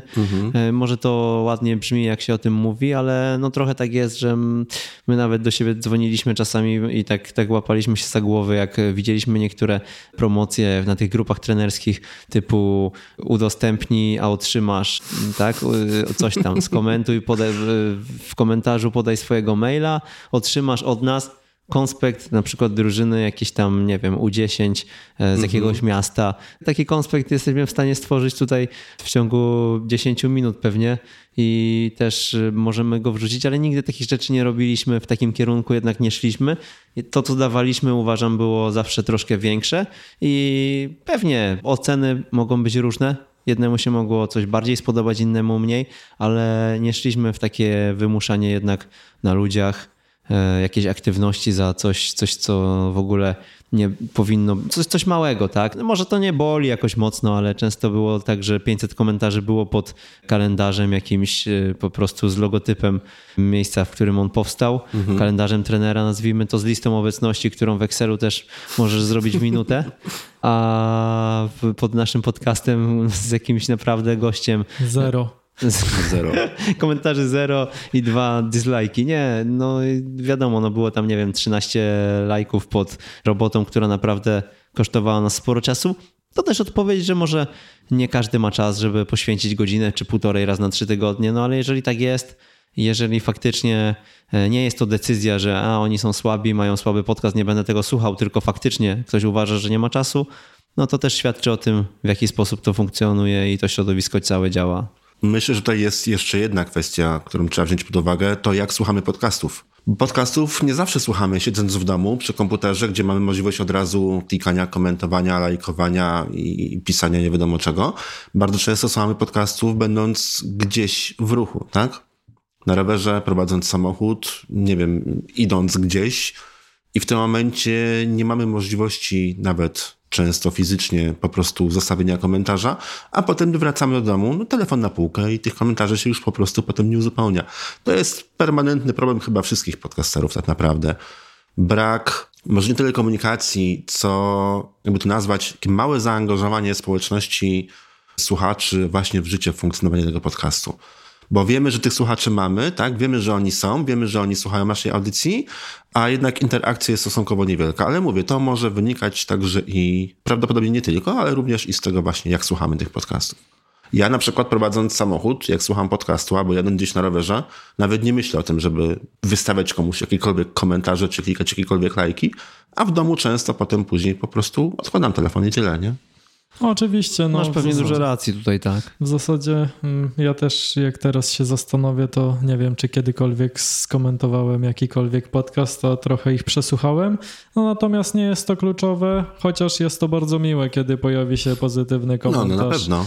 To byśmy sobie e, życzyli, żeby tego było więcej, ale nie jest to powiedzmy kluczowe. No tak, ale macie swoich słuchaczy, jest jednak ta słuchalność jakaś waszego podcastu całkiem fajna i myślę, że tutaj jest siła. Najprzyjemniejszy moment to jest chyba jak spotykamy się tak w realu. Tak jak dzisiaj z tobą mamy fajnie okazję wreszcie się poznać, bo zawsze gdzieś byliśmy na mailach. Idziemy na konferencję, tam spotykamy dwóch, trzech z pozoru nieznajomych, którzy witają się z nami jak z kolegami. Nagle się Zaczy- okazuje, że się znacie. Tak, oni nas znają. Dwa słowa, okazuje się, że już wiemy, z kim mamy do czynienia. Siadamy, pijemy kawę, możemy porozmawiać, poruszyć tematy szkoleniowe, poznać kogoś z innego miasta. Często z tego wynikają jakieś dalsze reportaże, współpracę. No, no super sprawa i takie dotarcie to jest najlepszy, najlepsza nagroda. Ja bym chciał wrócić do jeszcze jednego tematu, który przedtem poruszyłeś, Przemek. Wspomniałeś o prezentach od gości. Możesz się rozwinąć troszkę, jak to wygląda? No tutaj w prezenty bardziej zaangażowany był Paweł, to może, To Paweł. może on więcej opowie. No, Jeśli chodzi o prezenty, to w zasadzie zawsze po każdej rozmowie, no w większości rozmów, które prowadziliśmy, chcieliśmy, żeby oprócz tego, że ktoś może sobie odsłuchać podcast, dostał jeszcze jakąś taką wartość i namiastkę podsumowania tego, co padło w podcaście, albo zobaczenie rzeczy, o których była w nim mowa. No i pomyśleliśmy sobie, że będzie właśnie fajną opcją dać jakiegoś PDF-a z merytoryczną treścią dla naszych słuchaczy. No i stąd w zasadzie ten pomysł. Umieszczamy takie prezenty u nas na serwerze. One po zapisaniu do newslettera darmowo trafiają do wszystkich osób, które tylko i wyłącznie się tam zapiszą. No jest to też y, dodatkowa wartość do tego, żeby. Rozwinięcie prostu... tematu odcinka. Mhm. Ale to dla newslettera, tak? Na stronie tego nie ma. Nie, nie ma tego na stronie. To się pojawia dopiero w newsletterze dla tych osób, które już newsletter e, subskrybują. No oczywiście dla tych, które są nowe również to jest dostępne. Bo po zapisaniu do newslettera e, jesteś przeniesiony na stronę, w której możesz odebrać wszystkie dotychczasowe prezenty. Paweł już zapomniał chyba No tak, formułę. tak, tak. Nie, myślałem o tym, że po prostu można wejść w zakładkę i ona jest tam tylko ona jest ukryta. ukryta i ona Tak, jest tylko dla nas dostępna, ukryta, Paweł. ale, rzeczy, ale Aha. rzeczywiście dopiero po zapisaniu na newsletter mamy link, który generuje tą ukrytą zakładkę. powiadomienia jakieś nowe pojawiają się też raz na trzy tygodnie. Nie- Nic częściej nie wysyłamy. Wyszliśmy z takiego założenia. Jeśli ktoś chce poszerzyć swoją wiedzę po przesłuchaniu odcinka podcastu i pobiera prezent, który jest rozwinięciem tego tematu, no to znaczy, że jest na tyle osobą ambitną i na tyle osobą e, otwartą na nowe treści, że za chwilkę pewnie chętnie posłucha kolejnego odcinka podcastu. Więc chcemy mieć jakiś namiar na tą osobę, żeby można było jej o tym e, odcinku e, przypomnieć właśnie mailem. I ona, jeśli jak już otrzyma tego maila, może kolejny odcinek może posłuchać, natomiast może też równie dobrze z newslettera wyjść, jeśli stwierdzi, że to była jednorazowa akcja z tamtym prezentem, a teraz y, nie chce was znać. Czyli zapisuję się do newslettera, ściągam wszystko i następnego dnia Wypisuję. Nie, to akurat się. tutaj ja to nadzoruję i mogę powiedzieć, że ten współczynnik odejścia z newslettera to jest chyba nawet nie wiem czy dwuprocentowy. Naprawdę bardzo mało osób rezygnuje. Być może z tego względu, że y, niektórzy zapominają o tym, że cokolwiek wysyłamy, bo to tak jak Przemek wspomniał, Mhm. jest raz na trzy tygodnie tylko przypomnienia o nowym odcinku z krótką treścią. No, ale też chyba szczerość taka z naszej strony, no to procentuje, no bo my też tutaj nikogo nie nabijamy w butelkę, no. Nie chcesz, nie jesteś nam potrzebny w bazie, przecież my nie potrzebujemy tego maila e, dla własnych, nie wiem, statystyk, tylko chcemy wysyłać maile do osób, które będą chciały posłuchać kolejnych odcinków. Jeśli ty nie należysz do nich i chcesz się wypisać, no to przecież nie będziemy kogoś trzymać na siłę. Pamiętacie jakieś zabawne historie po 30 odcinkach na pewno, po blisko 30 już na pewno macie jakieś no nagrywaliśmy making offa jeden raz, ale nie wiem, czy to był dobry pomysł tak z perspektywy czasu. Jak mieliśmy takie ścinki, które gdzieś sobie zachowywaliśmy do folderów, mhm. z tymi śmiesznymi jakimiś tekstami, które były przed nagraniem, chwilkę, chwilę po, czy w trakcie coś śmiesznego, jakieś wpadki i tak dalej, to wydawało nam się to mega śmieszne. Jak śmieszne potem, dla nas. Tak, dla nas to było śmieszne, bo znaliśmy też trochę tło chyba mhm. i myślę, że to było kluczowe. Później jak połączyliśmy to całe w filmik, to im dłużej to montowałem, tym bardziej Mniej śmieszne było, twierdziłem, tak? że to jednak jest suche bardzo. No i tak chyba nie będziemy się bawić w takie rzeczy. Skoro idziemy w merytorykę, to nie ma co iść. W taką stronę. No mnie tutaj, mi się przypomina sytuacja z zeszłorocznego Lech Conference a propos Poznania, bo jesteśmy w Poznaniu. Mhm. No to tam nagrywaliśmy, było wszystko przygotowane tip-top, bo mieliśmy swoją salę do nagrania. Nagrywaliśmy odcinek z Kubą Szpiegowskim i Michałem Stolarskim e, z piłki nożnej dla, dla dzieci i tam wydawało się to wszystko, że mamy naprawdę profesjonalną kanciapę, ale w pewnym momencie mm, tam zaczęliśmy mieć małe problemy, bo e, raz za razem ktoś nam tam wchodził, tak? I okazało się, że przebierały się koziołki, maskotki w tym miejscu i w ogóle zakleszczyliśmy się z nimi. No w, w pewnym ogóle... momencie postanowiliśmy, że zamkniemy drzwi, żeby właśnie nie wchodzili, bo chyba mhm. po drugim wejściu e, uznaliśmy, że chcemy to dograć już w mhm. spokoju i zamknęliśmy drzwi i było trzecie pukanie i poddenerwowani chcieliśmy otworzyć, okazało się, że zatrzasnęły się drzwi.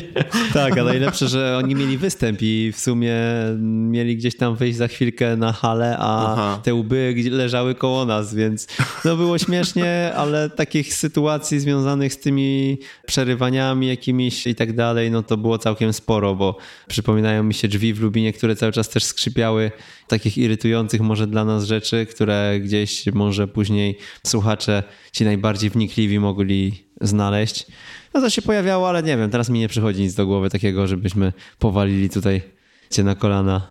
A jak zachęcić dziecko do tego, żeby chciało trenować? Skąd moje pytanie? Kiedyś pracowałem w firmie Electronic Arts, która produkuje gry komputerowe, między innymi grę FIFA. I przyszedł dzień zakończenia roku szkolnego, no i tak myśleliśmy w ciele supportu, że no teraz, teraz to będzie luz, nie? No bo wakacje, no to wszyscy wyjdą na podwórko, piękna pogoda, 30 stopni w cieniu, to właściwie teraz już nikt nie będzie nic od nas chciał. Byliśmy bardzo w błędzie, bo godzina 11, czyli mniej więcej chyba czas, kiedy po prostu wszystkie dzieci wyszły ze szkoły, wróciły do domu, linie telefoniczne były gorące aż do końca wakacji. I pytanie, czy młodzież gra w ogóle w piłkę, czy tylko i wyłącznie gra w piłkę na konsoli? I jak ich zachęcić, żeby przenieśli się z konsoli na boisko? Sami uprawiajmy sport. Moja odpowiedź byłaby taka. Ja jestem też ojcem szczęśliwym, więc mogę powiedzieć, że to naprawdę ma niesamowity wpływ, mimo że mam dwulatkę i jeszcze młodszą drugą córkę. Mhm. Bo ona widząc mnie w akcji czasami, gdzie nie wiem, idę się popodciągać nawet, czy porobię sobie jakieś pompki, takie mówię typowo siłowe jakieś sprawy, to ona gdzieś obok mnie za chwilkę się przykłada i próbuje tych samych ćwiczeń, czyli mhm. dzieci podpatrując biorą z nas przykład. No to jest tak jak ze zdrowym odżywianiem. Jeśli chcemy, żeby dziecko nie jadło słodyczy, to po prostu nie kupujmy sami nutelli i czekoladek, no bo jak my sami podjadamy, no to jak inaczej dać przykład dziecku? My jesteśmy lustrem dla nich. W najlepszy sposób rodzic może właśnie zachęcić dziecko do sportu poprzez to, że sam wsiądzie na rower i zachęci je do wyjazdu na jakąś wycieczkę krajoznawczą, nie wiem, na, pójdzie sam biegać. Dziecko pomyśli, tato, biegasz? Mnie córka na przykład pyta, biegałeś? Tym swoim łamanym języczkiem, który gdzieś już y, się pojawia i potrafi powiedzieć, no to są rzeczy, myślę, jedyna opcja, chociaż też nie, nie, nie jesteśmy w stanie odbiec od tego, że ten postęp cywilizacyjny trochę wpłynął na nasze jakieś takie patologiczne już zachowania, bym powiedział, czyli przesiadywanie przed komputerem, nawet jak jest świetna pogoda. No bo mnie jeszcze za moich czasów dziecięcych nie trzeba było zachęcać. Podejrzewam, że Pawła też do gry w piłkę i organizowania się samemu nie na boisku z kumplami.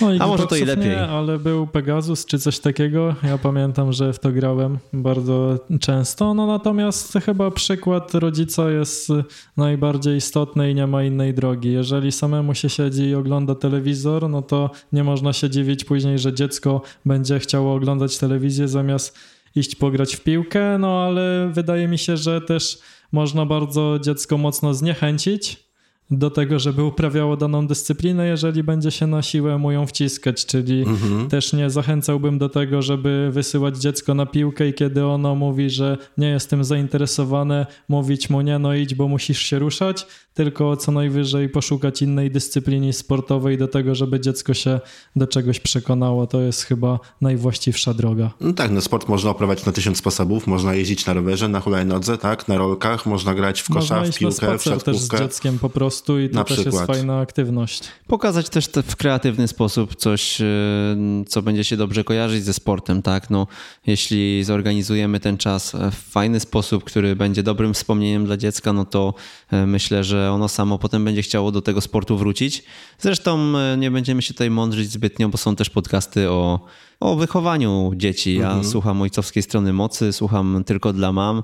To, są, to tylko dla mam, ale słucham jako tata. Ale e, są na przykład te dwa podcasty, które wymieniłem, dotyczą właśnie e, totalnie podejścia do dzieci i do relacji. ojcowskiej stronie mocy ostatni odcinek, jaki był przed naszym dzisiejszym nagraniem, to właśnie był na temat nadużywania telefonów. No widzisz, czyli, czyli dokładnie czerpmy też z tych, e, którzy, którzy się dzielą wiedzą w innych dziedzinach, nie tylko sportowych. Mi się wydaje, że większość dzieci tak ma, że potrzebuje mocno ruchu. Kwestia Mhm. jest tylko tego, jak my jako rodzice będziemy do tego tematu podchodzić. Czy będziemy właśnie wspierać wtedy dziecko, czy jednak hamować. No jeżeli będziemy wspierać, to wszystko jest ok. Jeżeli będziemy właśnie nie dopuszczać do tego, żeby ono chciało robić to, co chce, no to wtedy będzie mały konflikt i, i może się właśnie szybko wtedy ta osoba zniechęcić. Wygodnym jest dać mu właśnie tableta, tak? Czy posadzić przed konsolą. Jest No, bezpieczny, wiemy gdzie, e, ma ciepłe kapcie i e, może spokojnie sobie realizować się w tym, co lubi też, bo też nie ukrywajmy, że te konsole to jest e, fajny sposób spędzania czasu dla dzieci, przynajmniej z ich perspektywy. No natomiast nie zawsze trzeba wybierać najprostszą drogę. Tak jak w branży trenerskiej trenerzy na pewno dobrze o tym wiedzą. Czasami warto iść pod górkę i chyba z wychowaniem dzieci jest podobnie. Plany na przyszłość? Podcastowe? Podcastowe? Nie pytam o dzieci. podcastowe, no cały czas będziemy kontynuować to. Jeszcze zobaczymy w jakiej formie. Natomiast no, robimy to, co robiliśmy do tej pory, bo uważamy to za wartościowe zarówno dla nas, jak i dla osób, które to słuchają. Świetna przygoda. No ja kurczę nie myślałem, że aż takich, takich ludzi poznamy na swojej drodze. To z kim możemy porozmawiać? Jakie te relacje są zbudowane między nami? No bo też poza fajną rozmową e, półtora godzinną w studiu, czy e, nagrywając gdziekolwiek podcast, to jest jedno, ale to, że możemy wypić kawę i pogadać prywatnie, czy spotkać się po nagraniu, no to są też e, niewymierne korzyści dla nas Wymienić jako ludzi. poglądy, Jako... nauczyć się, tak? To są Dokładnie. rzeczy, których inaczej nie zdobędziesz. Dokładnie tak i no jak najdłużej chciałbym z tego korzystać. Oczywiście pewnie przyjdzie jakiś taki moment wypalenia, chociaż na razie się nie spodziewam, bo jestem cały w skowronkach na kolejne odcinki. Już y, kolejnych gości na najbliższe dwa miesiące praktycznie mamy zaklepanych do obu audycji, więc będzie się działo. Mam nadzieję, moim jedynym takim celem, może marzenie to za dużo powiedziane, będzie utrzymanie poziomu, który, do którego przyzwyczailiśmy słuchaczy. No, nie zawsze jesteśmy w stanie pogadać o takich konkretach, jakie byśmy chcieli, ale zawsze dobrym przygotowaniem do odcinka i weryfikacją tej osoby przed jej spotkaniem jesteśmy w stanie wpłynąć na to, żeby sami przed sobą być e, usatysfakcjonowani i być zadowolonymi z tego, jaką pracę wykonaliśmy. Oby to dawało też wartość innym i e, oby te fajne głosy, które do nas dopływają, czyli te współprace, które zostały dzięki nam nawiązane, te prace, które zostały podjęte dzięki nam u danych osób, bo wiemy, że takie miały miejsce. To autentycznie są osoby, które dzięki podcastowi Jak uczyć futbolu w tej chwili gdzieś indziej pracują, nawiązali jakieś współprace, organizują turnieje wspólnie i tak dalej, i tak dalej. Oby tego było jak najwięcej, oby tych efektów faktycznie pozytywnych było dużo. No cóż, pozostaje życzyć w takim razie powodzenia i wytrwałości. Dziękujemy serdecznie, no i przede wszystkim Krystianie, tobie raz jeszcze dzięki za pomoc na starcie. Powodzenia przy twoim podcaście, bo nie ukrywam, że trochę byłem zawiedziony, że on troszkę został zamrożony. Ja zresztą lepiej teraz Radka Budnickiego i Near Perfect Performance Dominika Juszczyka Mhm. poznałem ich u ciebie i przesłuchałem wszystkie odcinki jednego i drugiego, więc... No widzisz, jeden i drugi trochę już tego nagrał. No tak, ponad setkę, 130 chyba ma Radek, a Dominik już też pod setkę podjeżdża. Mhm. No, blisko też setki. Mają, robią fajną robotę, ja jestem e, dużym fanem podcastów. E, W każdym momencie, kiedy biegam, kiedy jeżdżę samochodem, no to nabity mam podcast Addict i, i zawsze Mhm. jest e, pełny zaległości, więc słucham. Przyjemnie było też z Tobą tutaj porozmawiać. Bardzo się cieszymy, że zostaliśmy w jakiś sposób tutaj przez Ciebie zauważeni i ta nasza wytrwała praca też e, zaowocowała tym spotkaniem u Ciebie w studiu poznańskim. Jeszcze jedno pytanie ostatnie na koniec. No już coś o podcastach wiecie, tak? Już trochę nagraliście. Jaką radę byście dali osobom, które myślą o starcie z własną audycją? Jeżeli już o tym myślą, no to nic innego jak tylko przełożyć te myśli na czyny, czyli albo kupić sprzęt, jeżeli potrzebujecie tego zakupu, albo po prostu usiąść i nagrać. No warto tylko przemyśleć, jaką to ma mieć formę i czy chcemy robić to w pojedynkę, czy z gościem. No i w zasadzie zastanowić się, jaką wartość to może dać słuchaczom, bo to jest uważam kluczowe do tego, żeby był pozytywny odbiór. No i te trzy elementy powodują to, że siadasz, nagrywasz i masz słuchaczy. Bardzo ważne słowa Paweł powiedział. Przemyśleć, przemyśleć, jeszcze raz przemyśleć. Określić swój cel, czy chcemy iść w kierunku zarabiania na tym, czy stworzyć coś dla większej idei. e, No to czyli... w zasadzie też zarabianie nie musi się często wykluczać ze stworzeniem fajnej idei. Zresztą no, Michał Szafrański jest Oczywiście. tego przykładem. Natomiast jeżeli to będzie na samym początku celem, no to może się to troszkę pogubić, bo jeżeli będziemy mieli tematykę, która jest łatwa we współpracach różnego rodzaju, to można się bardzo szybko zagubić w tym, więc raczej byśmy byli tego zdania, żeby troszeczkę mieć zimniejszą głowę i początki sobie odpuścić. Niekiedy lepiej komuś odmówić na samym starcie, żeby później mieć lepsze tego rodzaju efekty. Słuszna uwaga. No i planować, zaplanować sobie to dobrze i ruszyć, nie bać się ruszyć. Jak mamy cel, mamy plan, wiemy, co chcemy dać, jaką wartość, w jaki sposób, no to już później tylko pozostaje działać, nie ma się czego bać, a dobra praca się zawsze obroni. To jest nasz cytat, nasz tekst, który powtarzamy wiele razy. Hashtag dobro wraca. to, jest, to jest coś, czym się kierujemy w życiu i w pracy. No Myślę, jeszcze tak nawiązując do zarabiania na podcastach, myślę, że takie podejście biznesowe się bardzo często nie sprawdza, bo nawet Michał Szafański, zanim zaczął tak naprawdę zarabiać, to przecież to go kosztowało kupę lat naprawdę ciężkiej pracy. To nie było od tak po prostu, że usiadł, nagra, nagrał podcast i nagle dostał 5 milionów. To go kosztowało naprawdę kilka lat bardzo dużego wysiłku, a i też nie na podcaście jakby nie było zarabia, nie? No dokładnie. Spójrzmy na to, że głównie to książki generują jego przychód Tak. oraz w sumie blog i treści, które tam były wzięte pod uwagę. Miał kilka jakichś tam współprac pojedynczych podcastów, no ale to też pewnie nie były kolosalne pieniądze. No, a tam były też jeszcze i programy afiliacyjne, tak? Przy okazji bloga, przy okazji podcastów. To nie był podcast. Nie podcast generował tak naprawdę ten dochód. Dokładnie. No ogólnie rzecz biorąc, żeby nie było celem na samym starcie zarabianie tylko innego rodzaju rzeczy, a to, żeby było później jakimś efektem powiedzmy y, dodatkowym, a nie samym w sobie. Dziękuję wam bardzo. Dzięki wielkie i wszystkiego dobrego życzymy. Dzięki, Krystian. I do usłyszenia na w Jak uczyć futbolu, no i w porozmawiajmy o podcastach. Do usłyszenia.